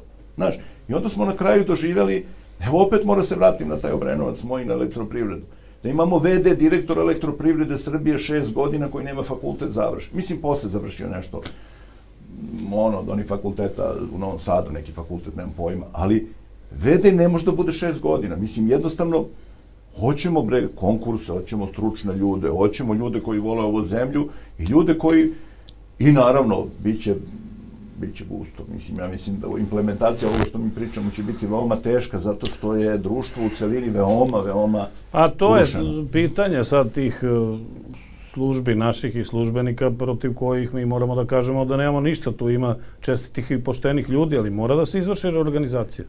I civilne i vojne, jer oni ne rade za narod i državu. Moj neodoljiv je utisak da je to veliki pritisak zapadnih ambasada, jer, pazite, ovo je istočna ambasada, to je kao za referendum. Referendum je odličan pokazatelj. Znači, Vučiću je e, da na referendumu čestitali su zemlje Kvinta. To su one zemlje koje se mešaju u naš unutrašnji državni sistem. Nije čestitala ni Rusija ni Kina. I koji su nam bombardovali. I koji su nas bombardovali. Znači, ove, že, ove velike sile sa istoka nemaju nameru da se mešaju toliko u naš državni sistem. Rusi su morali da stave ministra energetike zbog NISA i onih. I to je to.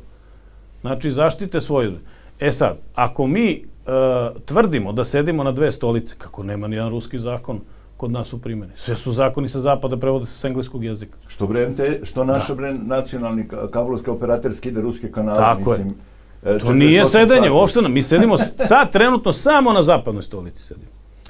Pro, profesore, vi ste u uvodu jako lepo rekli i stakli, posebno potencirali da ćete sutra, ako budete izabrani, biti predsednik svih. To je velika stvar, a ne samo neke grupacije ljudi iz svoje stranke, svojih članova stranke i tako dalje. To je već velika poruka. Drugo, ne može da se desi da a, veterani štrajkuju preko pola godine, uključujući zimski period pod šatorom između sa, Skupštine i predsjedništva. A da predsjednik Skupštine i a, predsjednik Republike nikakvi domaćini nisu srpski, da ih pozovu da razgovaraju i tako dalje. Iako sam ja tri puta kao nestranački poslanik tada molio javno na sednicama predsjednika Republike da ih primi. Tek posle šest meseci je napravljen nekakav sastanak sa ministrom vojnim tadašnjim, ali od njihovih zahteva samo je delimično usvojeno. Ali ja hoću da kažem neku, neke konkretne stvari. Prvu meru koju ću tražiti da se a, promeni, to je da se raskine ugovor o prodaji srpske dece za sedam inostranih firmi koje preuzimaju srpsku decu mlađu od pet godina da ne bi imali spoznaju identiteta a naša država nema nikakav uvid u to šta se radi sa tom decom. Mi imamo ministarstvo za brigu o deci, imamo demografski kolaps, a prodajemo srpsku decu inostranim kompanijama. Dalje, a, socija, centri za socijalni rad postali su zaista problematični sa davanjem dece hraniteljskim porodicama. I to za sume naknade koje kad biste dali toj porodici koja je siromašna, ukoliko nema poroke, droga, alkoholizam i tako dalje, nasilje, oni bi sa tim prihodima mogli da izdržavaju svoju decu. Niko ne može bolje da izdržava svoju decu nego roditelji, ako su iole normalnim odnosima. Na če, čemu to vodi? Dalje. Po, deset, po desetoro, po dvanestoro da. dece dobijaju hranitelji, mislim. I dalje imate situaciju da Mi u Srbiji ne, imamo besplatno školstvo, osmogodišnje, a svi plaćaju učbenike, niko nema besplatnu užinu, a kad biste od 250 poslanika, koliko ne dobijaju poslanički klubovi, nego partije, svakog meseca 3000 evra. To je dva puta više nego što je poslanička plata. Ide partijama. O tome odlučuje samo partijska vrhuška kako će se trošiti. 250 puta 3000 evra, puta 12 meseci, puta 4 godine, izračunajte koji je iznos mogli smo da subvencioniramo potpuno a, sve ove dažbine vezane za osmogodišnje školstvo. Besplatni učbenici i besplatna užina. Pogledajte šta rade u Sloveniji. Oni forsiraju da deca jedu hranu iz svog regiona, Tako je. a ne uvezenu globalističku hranu. Ima dosta iskustava u drugim zemljama koje možemo da primenimo. I moj životni san jeste da ove male poljoprivrednike sačuvamo i da razvijemo jedan model srpskog Migrosa, to je nacionalna zadruga od preko milioni 900 hiljada članova u Švajcarskoj, koja je manja od nas i tako dalje. Poljoprivreda je daleko manjeg značaja. Oni su uspeli da razviju sistem da 2 miliona članova da zaokružimo, koordinira, odnosno vodi a, zak, zakonodavno, po znakom navoda, 111 članova Skupštine i 11 članova upravnog odbora. Oni su u prošlim godinama imali preko 30 milijardi švajcarskih stranaka ukupnog prihoda. Imaju svoju Migros banku, kroz koju se vrti ceo kapital. Imaju preko 600 hipermarketa na teritoriji Švajcarske sa njihovom robnom markom Migros. Imaju oko 80 preduzeća sa 85.000 radnika koji prerađuju te proizvode, bave se uvozom, izvozom i tako dalje. Imaju čak i Migrosa turističku agenciju sa dva jumbo jet aviona koji ne mogu da slete u Srbiju, da dovezu njihove turiste ovdje. Jer nemamo takav aerodrom za te avione praktično. Zašto Srbija ne može to da uradi kad smo i veći, imamo bolje potencijale i tako dalje? Ovde se sve svodi da je poljoprivrednik između Čekveća i Nakovnja. Dakle, on mora da plati punu cenu koštanja i prosječan ili barem veći profit, ve, ako ne veći, onda prosječan profit, za poljoprivrednu mehanizaciju, za dizel gorivo, za seme i tako dalje i tako dalje, a sa druge strane, kad preda prerađivačima i posebno otkupljivačima, nikad ne ima garanciju da će mu biti isplaćeno i barem poštena cena. Evo uzmite ovu godinu. Sad je cena pšenice otišla u nebesa, kako kažu. I svi kažu blago poljoprivrednicima. Pa molim vas, ja sam proizvodio prošle godine pšenice. Na svom gazdinstvu. Znate po kojoj ceni sam dao? 22,5, 23 dinara. Ko je zaradio? Nismo mi koji nemamo lagere, skladišta i tako dalje. Drugo, sada aktualni režim se hvali da počinje sa uh, uh, la, lagerovanjem robe za slučaj prehrambene krize. Nema potrebe. Pa se tu su vrlo lake mete u slučaju eventualnog napada i mm. tako dalje. Koncentrisana količina na jednom mestu i tako dalje. Međutim, ja sećam kad smo kao asistent bio, pa smo zajedno formirali ekipe, jedan profesor i jedan asistent, obilazili celo područje uh, Peštera i odabirali seljačka gazdinstva koja imaju radnu snagu, potencijalno barem 15 godina unapred, imaju zemljišne površine i davali im za rezerve, vojne rezerve, takozvane rezerve mesa u živoj stoci. 10 steonih junica bez dinara. 50 ovaca ili 30 ovaca bez dinara. Sve što proizvedu, sve je njihovo, ali kad dođe Gina, da po znaku navoda vojna kontrola, on mora da ima 30 glava ili 10 glava. Kud ćete veću pomoć? Kad ih vežete za stoku, vi ste ih vezali trajno za to za područje. Tako je. Oni ne mogu vikendom da se bave poljoprivredom. Drugo, to je disperzija. Nijedan neprijatelj ne može da ih porobi, da im otme sve i tako dalje. Kad državi treba, vojsi, u ovom slučaju konkretno kad smo mi to radili, oduzmu 10%, oni neće ekonomski da propadnu za 10%. I rešite problem trajno. Ali treba da zaradi uvoznički lobi, treba da uvozimo mleko u prahu kod tolikih potencijala Srbije. Pa znate šta je mleko u prahu u odnosu na sveže mleko? Koji se ne zna dakle stižu uopšte. Da. Da li je ja, moram još da kažem samo rečenicu, mislim, ne možda napravimo šta sve ne valja. Mene školstvo baš tišti, moram da priznam. Znači, trenutno mi smo dozvolili da ne postoji školstvo. Mislim, ja pričam sa nastavnicima, oni kukaju nesrećni, roditelji upisuju ocene, mislim, ovoga, deca, mislim, određuju ocene, deca više ne uče, mislim. Da ne pričam da naša deca dan danas nose maske, svi su skinuli maske u celoj Evropi, naša deca nose maske, čekaju neki krizni štab da odluči, mislim, koji nikad neće odlučiti, zato što imaju svoje naređenja, tako mislim. I interese. I interese svoje sobstvene, mislim i mi sad čekamo, mislim da krizni štab kaže da deca skinu maske, mislim, a skoro nijedna zemlja više na svetu, kad je Kalifornija koja je bila najstroža u Americi skinula maske pre mesec dana, i mi nosimo, deca nose nesrećne maske, znamo da se deca ne razboljevaju, znamo da niko od nas nijedno dete nije umrlo, da ima vrlo teške oblike, znamo da ne prenose i nose maske. To je krivično delo, po meni je to krivično delo. Ja se stvarno nadam da ćemo mi biti u prilici da podnesemo krivične prijeve protiv ljudi koji su svašta radili ove poslednje dve godine, mislim, nastavilo se, na sreću to su isti ljudi koji su i ovi prethodni 20 godina svašta radili. A Inače, ja lično mislim, pošto sam fasciniran Putinom, ja sam ovaj, čitao taj njegov intervju, njega su pitali kako je zaveo red u Rusiji. Kaže, Rusija je ogromna zemlja, veoma disperzirana. I on je rekao, bilo je vrlo lako, kaže on. Kaže, trebalo je naći šest poštenih šefova policije, 12 poštenih tužilaca i 12 poštenih sudija. I kaže, kad su pohapsili, sećate se, prve one velike tajkune, struktura se urušila sama od sebe. Moć e, tog lobija potiče iz toga što ih podržava država. Tako. Mislim, i to je to.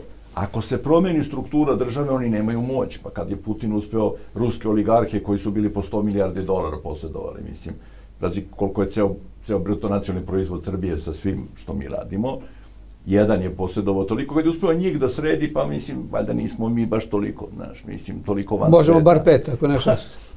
A može sve, to je veoma lako, znaš. Veoma je lako, nego je problem što mi idemo pogrešnim putem. Ima ona pesma od kako beše Đuleta, ono, Van Gogh, u, u, u pogrešnom vozu sve su stanice pogrešne. Pogrešno. Mi idemo u pogrešnom pravcu i naravno čudimo se što je sve pogrešno. Ako ideš za Sarajevo, ne možeš da sedneš u voz za Budimpeštu, nećeš otići nigde. Mislim, eto, to je u stvari, mi moramo promenimo stratešku orijentaciju države. A onda će se stvari sređivati same od sebe. Jednostavno će se sređivati. Kad dođe pravi čovek, mislim, na pravo mesto, to je u stvari cela pojenta ove naše priče, on će preusmeriti voz. A kad voz krene u drugom pravcu, ovi će poispadaju, ovi koji idu u drugom pravcu, oni će sami od sebe da poispadaju. Znaš, e, moramo potpuno da promenimo. Znaš, ne, nema ništa što, skoro što, što, trenutno što nije trulo. I zato tako stalno nešto puca. I mi stalno, mene podsjeća na mog pokojnog oca koji je bio pristalica lepljenja, znaš, pa ono padne da, daska u ogradi, on prilepi, ne veže nekom žicom. Ja kažem, čala, ajde da promenimo dasku. Ah, kaže, drugi put ćemo, znaš, ovog. Ne može na taj način. Znači, stvarno je kritičan trenutak. Mislim, ovo nije nikakva politika, ovo je život. Ljudi, za, bit će veoma težak pred, pred, pred nama. Znači, Bog sveti zna šta će biti, ne sa kursom evra, nego sa evrom kao valutom. Već se priča o propasti evra i tako dalje. Je tako? Biće strahoviti pritisci, biće vero, Bog te pita šta će se sve događati. Ne možemo da uđemo ovakve u tu krizu. Mislim, zato što ćemo, mi na kraju između sebe se poubijamo, mislim. A, a što je inače, ja mislim da jeste svrha ovoga svega. Da. Znaš, mislim, ova dva bratska naroda što ratuju. Da. Pa naravno, pa nije to sasvim slučajno. Ja mislim da je to jedan narod, a ne dva bratska. da, da. ba, bratska. Ali, je jedan narod, da. O, izvukao bih sad da neke zaključke, ne zaključke, nego potencirao bih nešto što su sve iznani. Dakle, prvo treba ceniti znanje, sobstveno znanje i umeće. A šta mi radimo? Evo, rekao je profesor Nestorović da školstvo ima neke klizave terene. Mi godišnje izvodimo 50 do 60 hiljada najsposobnijih radno i najumnijih ljudi. Oni, odlazeći iz Srbije, iznose 2 milijarde evra za školovanje njihova. A onda uvozimo one sa kupljenim diplomama koji mogu da menjaju fotelje bilo kog ministarstva, jer podjednako ništa ne znaju, pa gde sedi sve jedno. Zato ima po 10-15 savjetnika, ovo što je rekao budući gradonačelnik, da ne vidi svrhu njihova ako je neko stručan u foteli gde treba da bude stručno lice. Dakle, tu su mnoge rezerve i mnogo prostora. 10 milijardi evra, kažu ekonomisti koji iskreno govore i slobodno govore, se godišnje pljačka u Srbiji na carinskim utajama, na porezkim utajama, na akciznim utajama, na radu na crno, siva ekonomija, neracionalnost državnog aparata. 10 milijardi evra. Pa to su strahovite pare da budemo stvarno mala švajcarska. Ali u sistemu školstva može da postoji takvo rešenje da je ono uvezano na svim nivoima i sa naukom, pronalazaštvom, da sutra deca iz škole idu na posao. Kako? Eto, kada se bude u prilici, jer to ostaje, ostaje normalno za one koji imaju te ideje. Ali, u svakom slučaju, kada je ovo sada potencijirano od vas, da nas ne interesuje iz koje stranke, ni će iko da ga pita iz koje stranke neki stručnjak, nego da je spreman i voljan da svoje znanje, umeće upregne u korist Srbije i naroda i budućih pokolenja, to je velika poruka svima. I ja bih to, zato i želeo sam da to potenciram, a u svakom slučaju u Beogradu, u čitavoj Srbiji i kako se rekli, teže je nabrojati šta je dobro nego šta je nije dobro da ima kritike, je veliki problem. I uhvatiti se u košta sa svime time u jednom mandatu, ponavljam, ne u dva, tri mandata obećavamo bolje kad mi odemo. Pa bit će bolje kad odemo, oni koji nisu, nisu imali u planu da, da urade. Ali sada, u ovoj političkoj situaciji u Zavriloj, kada ima mnogo obstrukcija, kada ima mnogo, evo, naveli smo u početku čak i takvih banalnih stvari, da se pale plakati, da se obstruiše sa onima koji trebaju da overavaju liste. U Valjevu su načas posepani svi plakati. Dakle, naši, kako, kako tu političku uzavrilu scenu Srbije smiriti, kako jediniti, kako da počnemo svi da razmišljamo ovako. Nije bitno dakle je stručnjak, u kojoj stranci, nego da je stručnjak i da hoće i želi da radi, da ume i može. I nije bitno da li je ove ili one narodnosti ili nacionalnosti, nego da hoće da za dobro bi svi, da iza nas ostavimo nešto. Kako sada to u jednom mandatu staviti na neke temelje koje će posle lako mladi da da izgrađuju. Pa mi dakle, smo, ovaj, na samom početku, ja sam promovisao jednu ideju da svi koji su glasali ne na referendumu budu jedna rodoljubiva kolona. Jer uvek vam je u tom menadžmentu potreban jedan ključni događaj oko kojih će neko da se uklopi. I u početku nije imao niko ništa protiv te ideje. Međutim, četiri rodoljubive liste predate. Mi smo se poslednji dogovorili kad smo videli da ovi ljudi neće. To je nešto neverovatno. I onda ja sumnjam s kim se oni dogovaraju. Što se tiče globalnih... Izvini, da. Alek, nijedna rodoljubiva lista mene nije kontaktirala. To je najinteresantnije. Znači, je... svi, nijedan patriota me nije zvao. Zvali su me svakojaki, a patriote ne. Valjda nisam dovoljno... Pa postoji patriota. razlika između patriota i rodoljuba. Treba čitati između Patriot, ja, patriot je američka zovem, raketa. Jeste, jeste. Patriot, da. Rodoljublje je naša, naš da. izraz. Sad što se tiče uticaja tih, tih svetskih dešavanja, nama je sad dobar moment, jer su zauzeti sa ovim znači i zapadna ambasada i sve. Ima oni vršljaju dalje po Srbiji, ali pažnja im nije toliko usresređena. Sad bi mogu nešto, ne smijem da pričam o ovoj stvari sad, ali sad možemo nešto da uradimo, jer im je pažnja oslabila. Nismo toliko sad mi bitni naši izbori.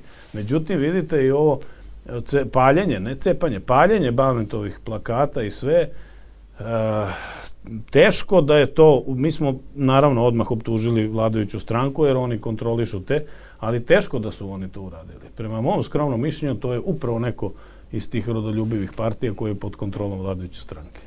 Ali da, vidite, da, mislim, oni, što se nas tiče... četvoricu ne mogu duplaše, ali da. jadne ovaj narod će je. duplaše koji dolaze na daju potpise. Ja mislim, to je problem da veliki. Da nije vladajuća stranka, sad ću reći zašto. Zato što su oni u da. tim analizama svojim, oni neće da, ovaj, da se izjašnjavaju. Ali, znaš, ako si ti neka takozvana druga stranka pa si oko cenzusa, pa ti ode jedan deo glasova, Smeta. onda padaš ispod cenzusa. To Mislim, da budemo sasvim otvoreni, znaš.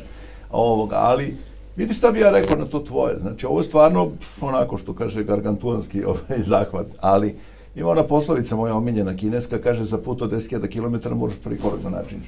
Mora da krenem u pravom pravcu. Šta će se dešava? Svašta će se dešava. Ja sam vrlo realan čovjek.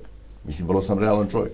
Alek zna bolje od mene, njemu da. su i gume, pa, bušili i svašta radili. Nije jedini. Ja Sledeće da pale, prvo su bušili, da, mene možda pale. zapale sa Pa dobro, znaš, da. meni kao priđe, znaš, dobronamerno, pa kažu, znaš, šta će ti to, pa imaš porodicu, znaš. Da, ja da, kažem, mislim, nemoj to da mi pričaš, ubiću tebe prvo, mislim, na licu mesta ću prvo tebe da ubijem, pa onda dalje, znaš.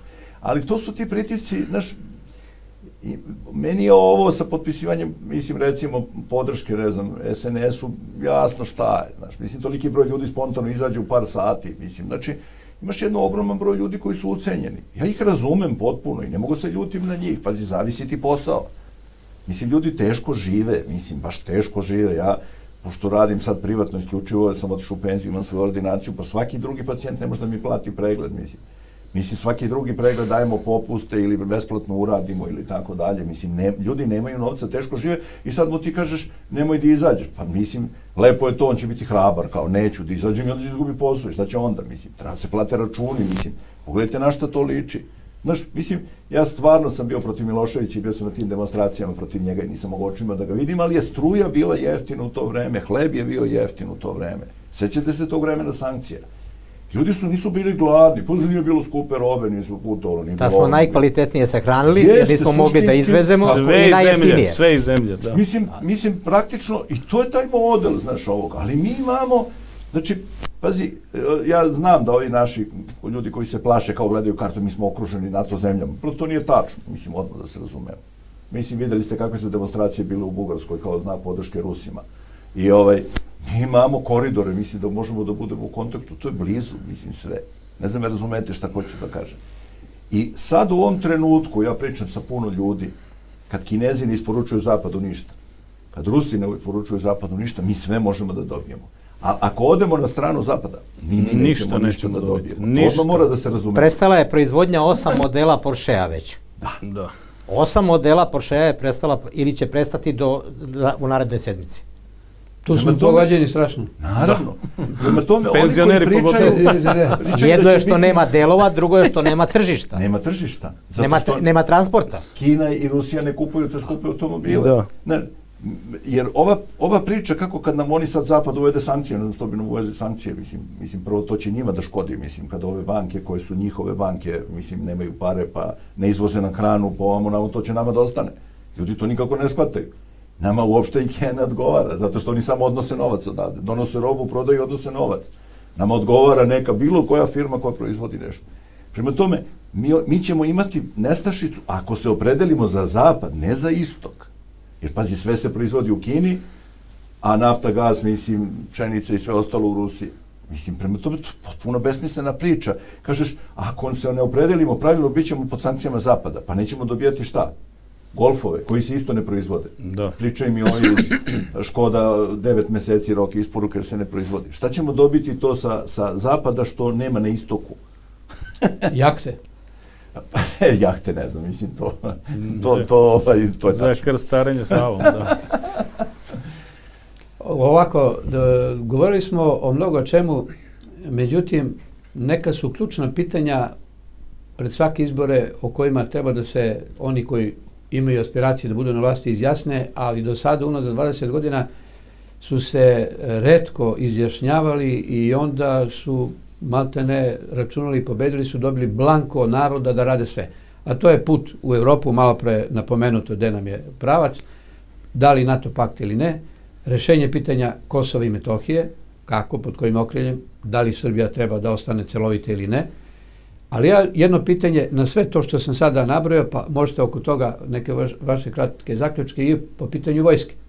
Dakle, da li treba uvesti ne služenje vojnog roka, to je pogrešan termin, obuku. nego osposobljavanje mladih za odbranu države.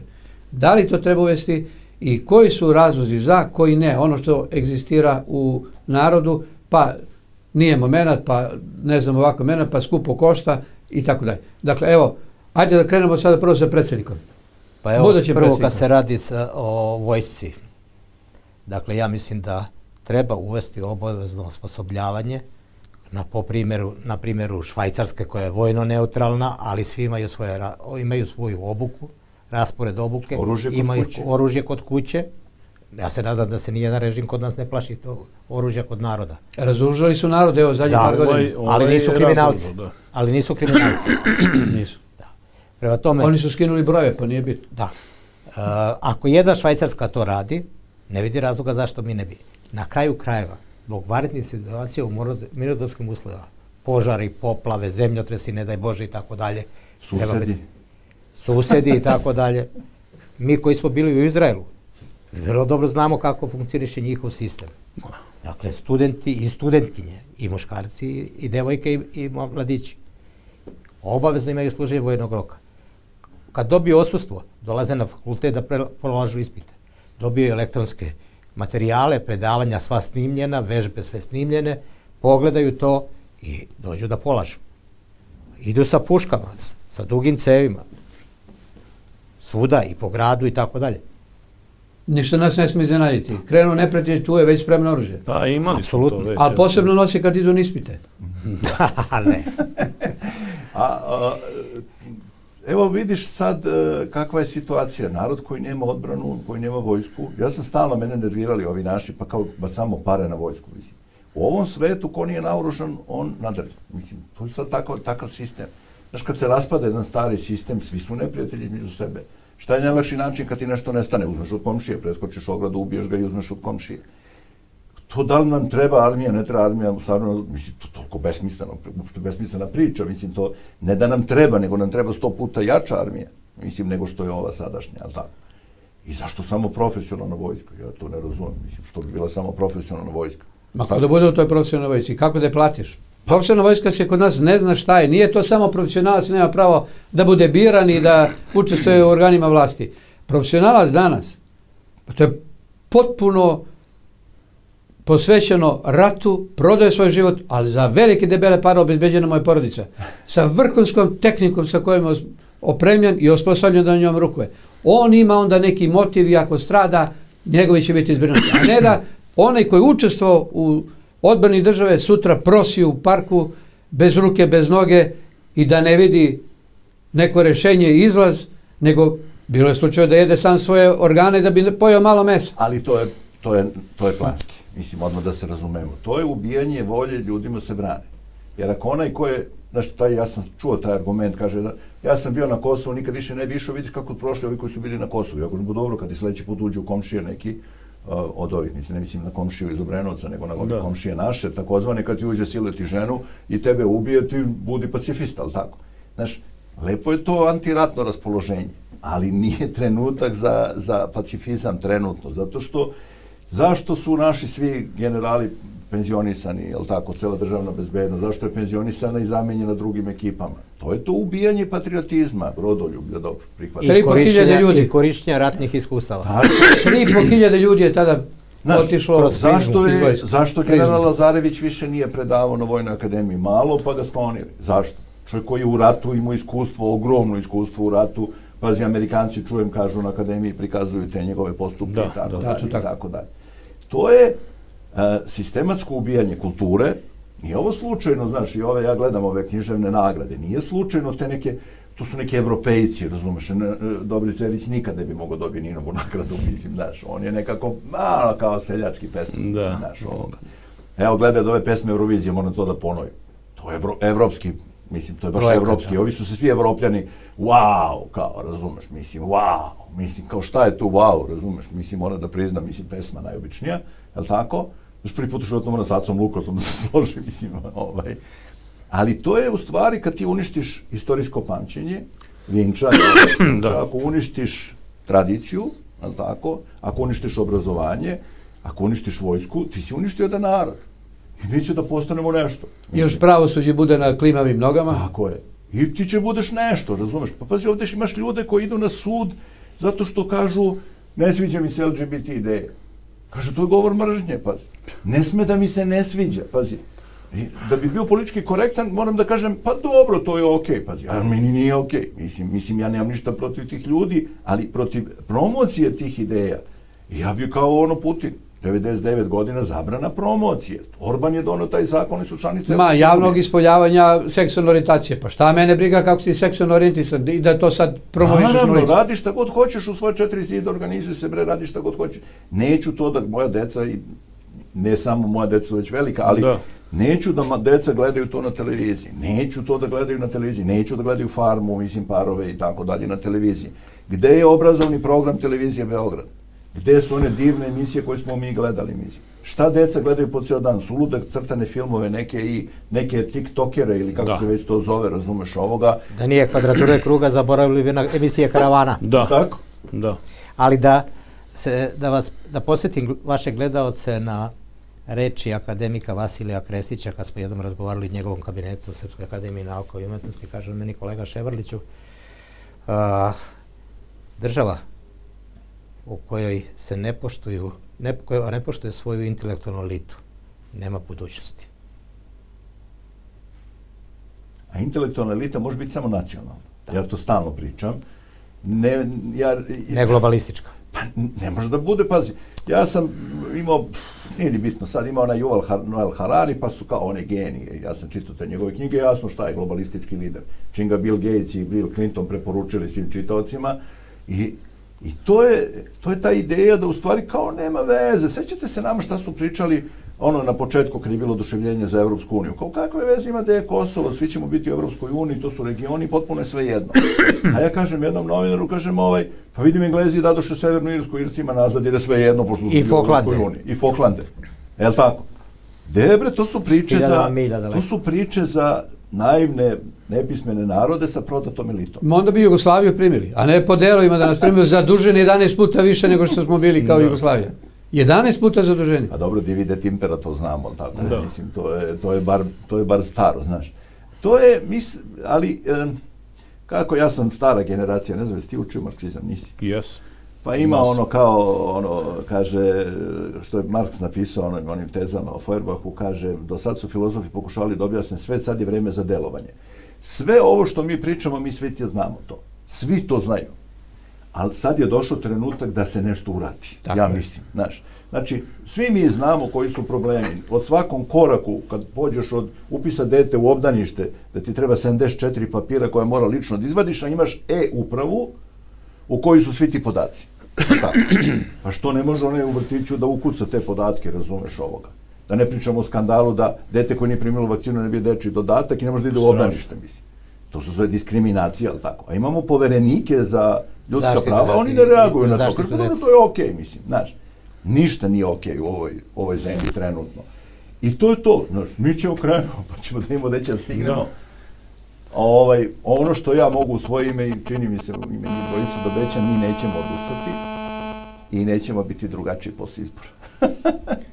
da, jedna priča pre, jedna priča posle izbora. Evo, poštovni gledači, slušalci, došli smo i do samog kraja, negde se bežeći od početka. Mnogo je tema zanimljiva, nije to jedna tema, to je hiljadu i jedna tema, pa od tih hiljadu svaka još po hiljadu, jer toliko toga u državi, toliko toga potrebno, toliko toga smo u zadnjih 30 godina upropastili, zapustili i tako dalje, kada ovi malo koji duže pamte omladinci pričaju o nekim vremenima od pre 40 godina, ma kažu, ajde ta vremena, bili ste pod kreditima, živjelo se pod kreditima. Srbija je preuzela 8 milijardi dolara duga iz te lepe države, velike bivše, koju sada pljujemo sa svih strana. Sada su nam zvanično 4 do 5 puta veći dugovi, a nezvanično i 10 puta veća dugovanja. I ako krenemo te neke za sada možda nepotrebne investicije, metro i tako dalje, nismo jedan mali prokop završili 25-6 godine i više, a sada ćemo tamo neki metro dok nam ulice propadaju kamioni i vozila. Kažem, Zvini, dobro je za odborno države. Imaćemo metro, a nemamo železničku stanicu u Beogradu. Tako je.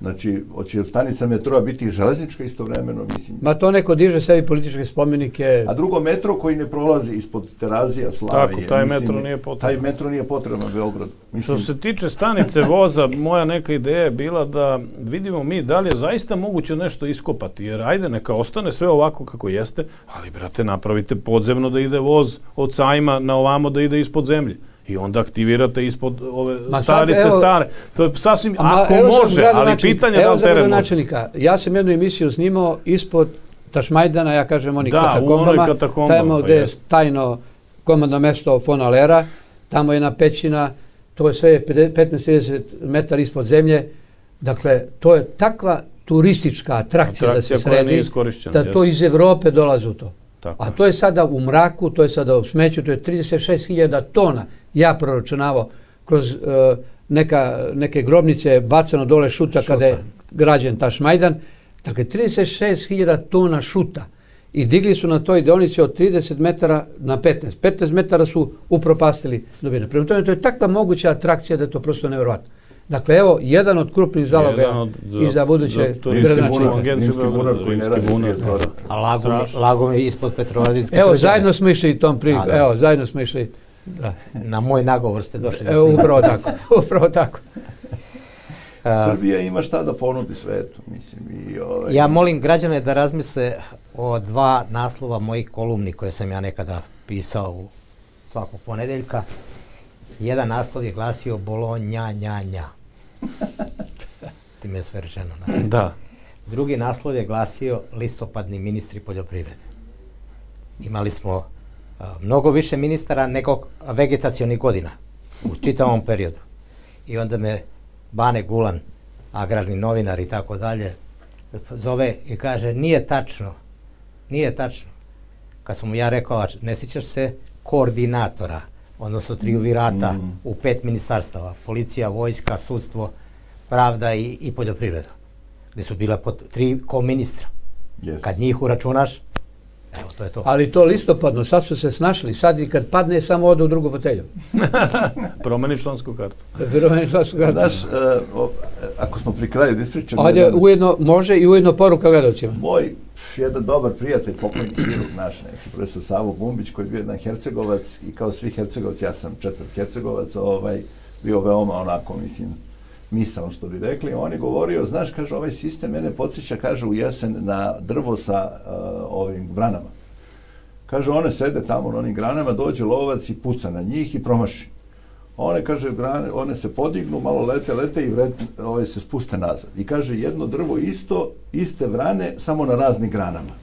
E, to je sistem koji mene sad podsjeća ovih zadnjih 20 i nešto godina. Znači, ovaj malo preuzme resor ovaj, ovaj preuzme onom resor, on se malo spusti, on se malo podigne, ali suštinski nema promene. Mislim, to je Alek lepo rekao, nema nikakve promene. Ali još nešto ostaje ispod vrana na lopcu.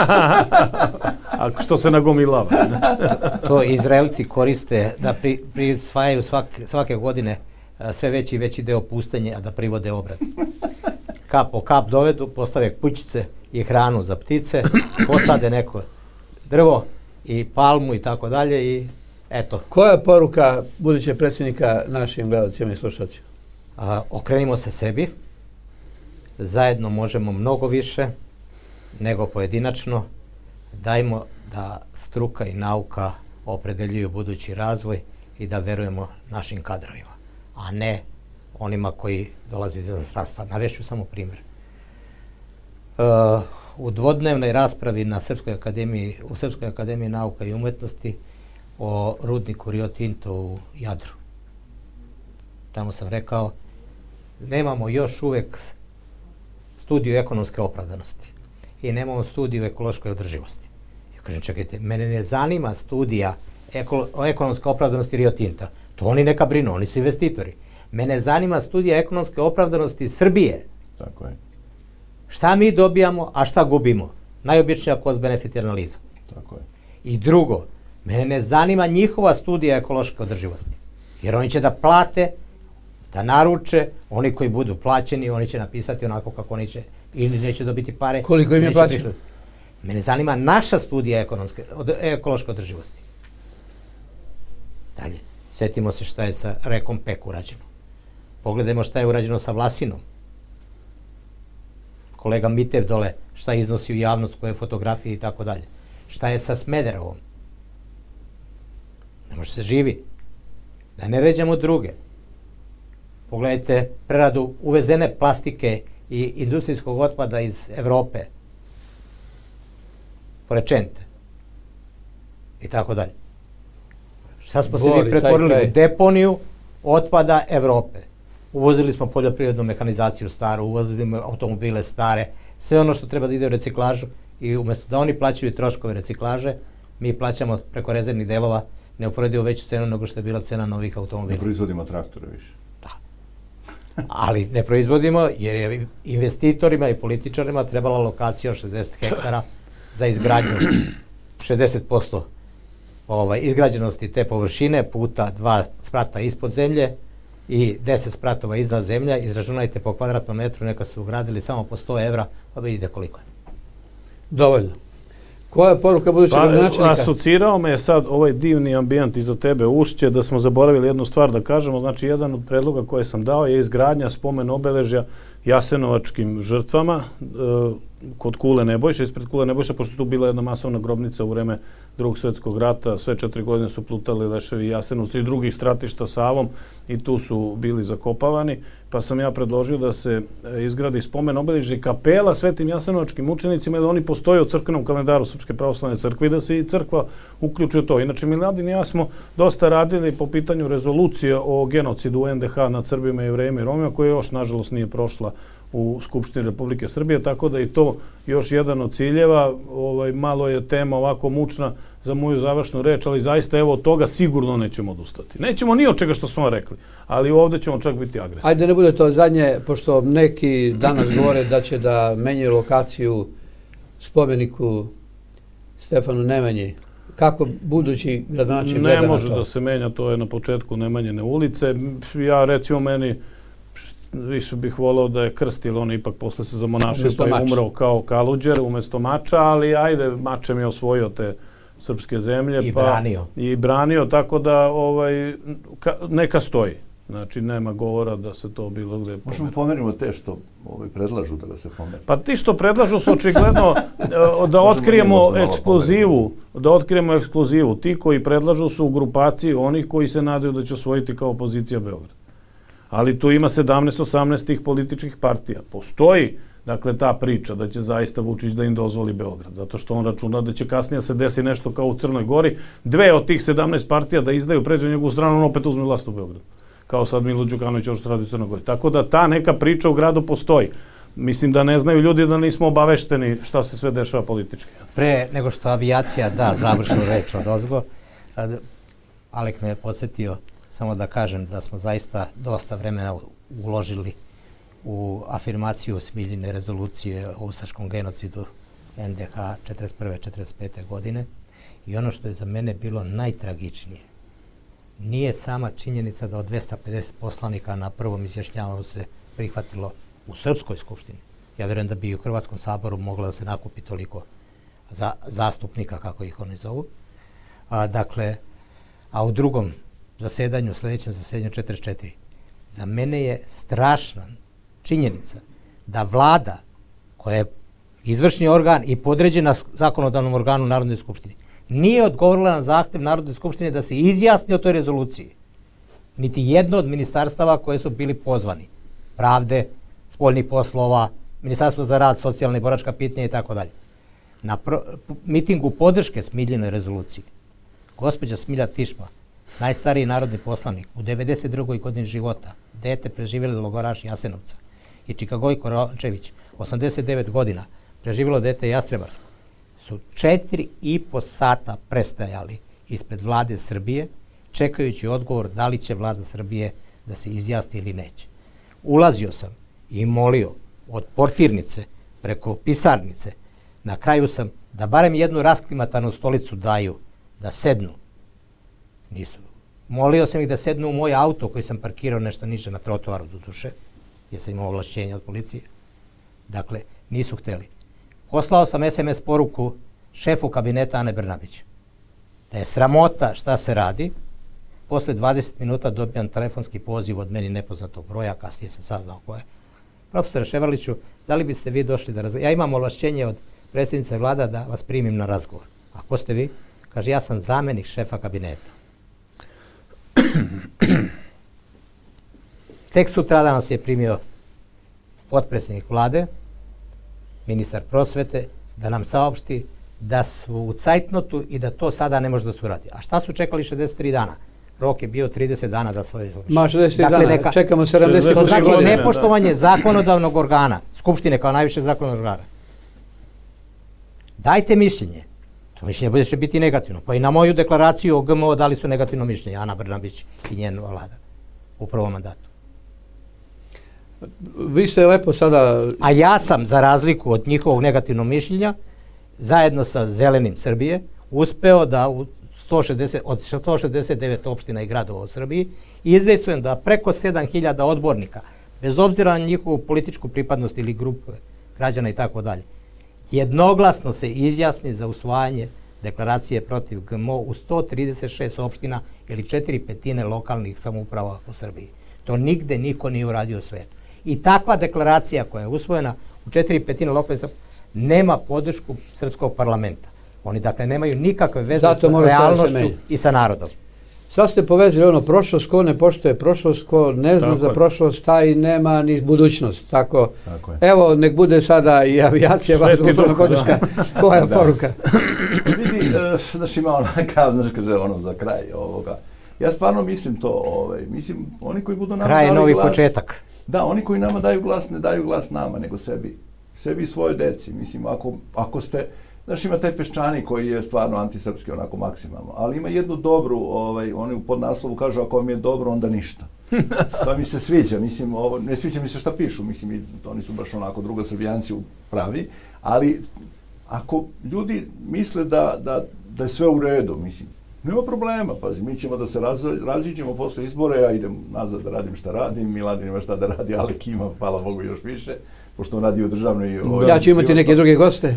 Ti ćeš imati druge goste, mislim, mi ćemo svi da se vratimo nazad, a i oni će da ostanu tu gde su. Pa ako su zadovoljni, ako im je super, nema nikakvih problema, mislim. A, a ako žele stvarno da nešto se promeni u ovoj državi, ja mislim da meni je, meni sviđa mi se ova uzbuđenost koja je nastupila, mislim, u, u strankama i tako dalje, gde se neprekidno vidimo ove rade ankete, radno, znaš, ovoga, stalno lete neki sastanci i tako i dogovori, raznorazni. I odmah da kažem, ako prođemo dobro na izborima, mi nećemo biti zatvoreni za saradnju. Mi ćemo imati predloge koje će ti koji bi želeli s nama morati da prihvate. Znači, te crvene linije, to smo pričali, znači Kosovo je prva crvena linija, jer Kosovo je suština svega.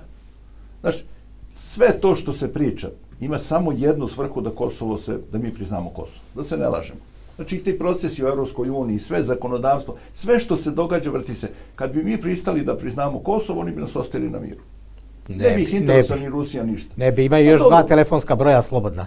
da, 38, za Vojvodinu. 388 ima, i 384. Ima, ali ove, dobro, to je sad već malo besmisleno, mislim, pričati. Pa, tako smo mislili kad su dali pa 382 da. Crnoj Gori, pa... Pa dobro, ja sam to rekao 2001. godine, da. zašto je 381 pa 385, mislim, šta je ono između će biti, mislim, je tako? Ali, tako da, eto, to je moja neka, da kažem, završna poruka. Ako mislite da je ovo sve super, mislim, i da ništa ne treba da se menja, okej. Okay. A onda pogledajte šta nude i ovi drugi, mislim, šta vam nude ovi drugi, mislim, pa ako mislite da smo mi, ne znam šta, mislim, kao što će lansirati, naravno, mislim da će najviše biti to, ta priča o prodanim dušama, kako ćemo mi da pretrčimo posle izbora. Ovaj, to je nekako naj... Ovo, samo to... deda pretrčimo. Ne, Mi nema, nema da... Na veliko ratno ostrvo, jedino tu možemo pretrčimo. Mora da se pravi posebni pešarki da. Za kraj. Predlažem svim građanima Srbije da uzmu olovku i papir i da napišu dve reči. Briselski sporazum. I da od tih slova, iz te dve reči, naprave tri reči koje imaju ista ta slova. Šta će dobiti? Dobit će anagram, je li tako? Koji glasi, uzeli Srbima srpsko. Dakle, oni koji su potpisivali briselski sporazum, nisu bili toliko, na, toliko naivni da barem to nisu mogli da ukapiraju. Na svu sreću, zahvaljujući Kini i Ruskoj federaciji, još ga nisu uzeli, ali su mnogi prerogativi i mnoge nadležnosti predate.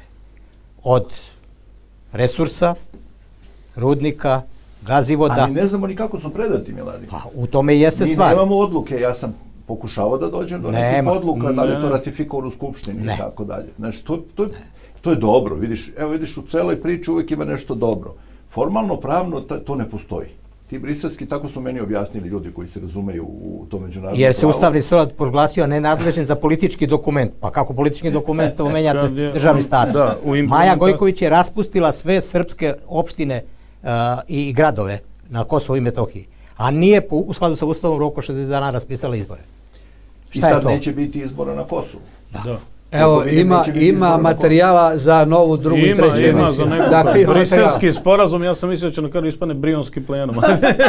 Nije, malo smo bliže vremena. Poštovani gledalci, Da pozoveš da ljudi potpišu Evo, i stvarno smo došli do samog kraja, sve bežeći od početka. Vidite da kada je u pitanju država, kada je u pitanju narod, kada su u pitanju naša deca, naši unuci, pravnuci, naša budućnost, onda nikome ne sme da bude sve jedno. Dakle, svi mi koji osjećamo još neku snagu, koji smo prošli mnogo toga u životu, dakle imamo bogato radno i životno iskustvo, padali smo, ustajali, ali smo uvek ustajali, zaronili, uvek izronili. Mi trebamo da damo neke temelje, da ostavimo našoj deci da kažu to nam je ostalo od predaka, to moramo da nadogradimo, a da sačuvamo od njih. A šta smo mi sačuvali od naših predaka, šta nam je ostalo i šta nam je još ostalo od njih, veliko je znak pitanja. Dakle, mi stalno govorimo o životu. Taj život, mnogi kažu, je poklon i ne treba ga traćiti. Pa ne treba ga traćiti, ali taj poklon i taj život je kao jedna pozorišna predstava, kao jedna drama, kao jedna epizoda nekoj seriji, koja može da ima ovakav ili onakav kraj. Život treba živjeti puni plućima, puni kapacitetom. Ne treba glumiti.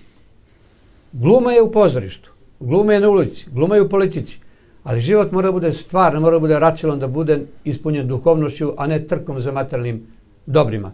Jer mi taj poklonjeni život živimo samo u prvom činu. Taj prvi čin se završava onog trenutka kada se pozdravljamo s ovim svetom. A u drugom činu žive naša dela. Živi ono što ostaje iza nas. Mi smo decenijama živjeli od dela i onoga što je ostalo od naših predaka. šta ćemo mi kao naša dela, kao taj drugi naš život, drugi čin našeg života da ostavimo našoj deci? Da li ćemo da im ostavimo dugove? Da li ćemo da im ostavimo rasprodanu državu? Da li ćemo da kažemo, evo, ovo je od mog dede ostalo meni ova kuća, ovo ogromno imanje, ovaj ogromni vrt. Kada prođem kroz vrt, uzmem jabuku, uzmem, uzmem krušku. Sada dobijam neki mali ugo na nekom potkrovlju, prolazim prelepom stazom, prelepi autoput napravim do kuće, ali rampa moram da platim nekom stranom čoveku. Uđem u voćnjak, da uberem jabuku, moram da u kasu ubacim nekome, to više nije moje. Odem na njivu, da, da imam kuvani kukuruz neki dan napravim, kažu koliko ćete jedan ili dva kuvana ili pečana, opet moram da platim, to više nije moje. Deda je napravio fantastičan studenac, bunar, izvarska voda, hoću da popijem vode, e, nije to više tvoja voda, moraš da platiš. 93% izvorišta već prodano. Dakle, šta je taj naš drugi čin? Da li o tome razmišljamo? U tome je poenta. Zašto je sada neophodno doći do neke promjena ono o čemu su govorili naši gosti? Sami izvucimo zaključak.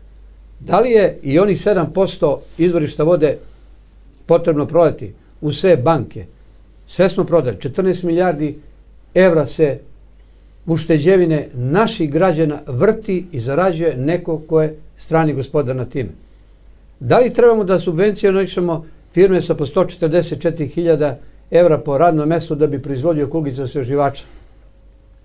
A ne da proizvodimo organsku hranu, zdravu hranu i da izvozimo, da po tome budemo poznati. Danas u svetu priča, ostaće slobodni samo oni narodi koji imaju svoju hranu i svoju vodu. Bez svega drugog se može. Bez svega drugog. I bez automobila, i bez zlata, i bez dijamanata. Ali bez vode i hrane se ne može. Razmislimo o tome i ovo što je rečeno da zoštrimo olovke, kome da damo taj svoj glas? Ne zbog nas i nekih sendviča i flašica vode. Zbog naše dece i budućnosti. Da nas pamte, da živimo i u drugom činu, inače će nas zaboraviti čim pre. Ja vama, svima poštovani gledalci i slušalci, želim da taj drugi čin života bude lep, da vas dugo pamte po delima, po tragovima koje ostavljate iza sebe i po onom minulom radu koji ostaje iza vas i svih nas kao naroda i kao države. Samo tako ćemo uspjeti da obezbedimo i sebi mir da kažemo mirni smo, naša deca, naši unuci, pravnuci, čukonuci će živjeti u državi u kojoj mogu srećno da žive, u svojoj državi slobodni građani. Hvala na pažnju.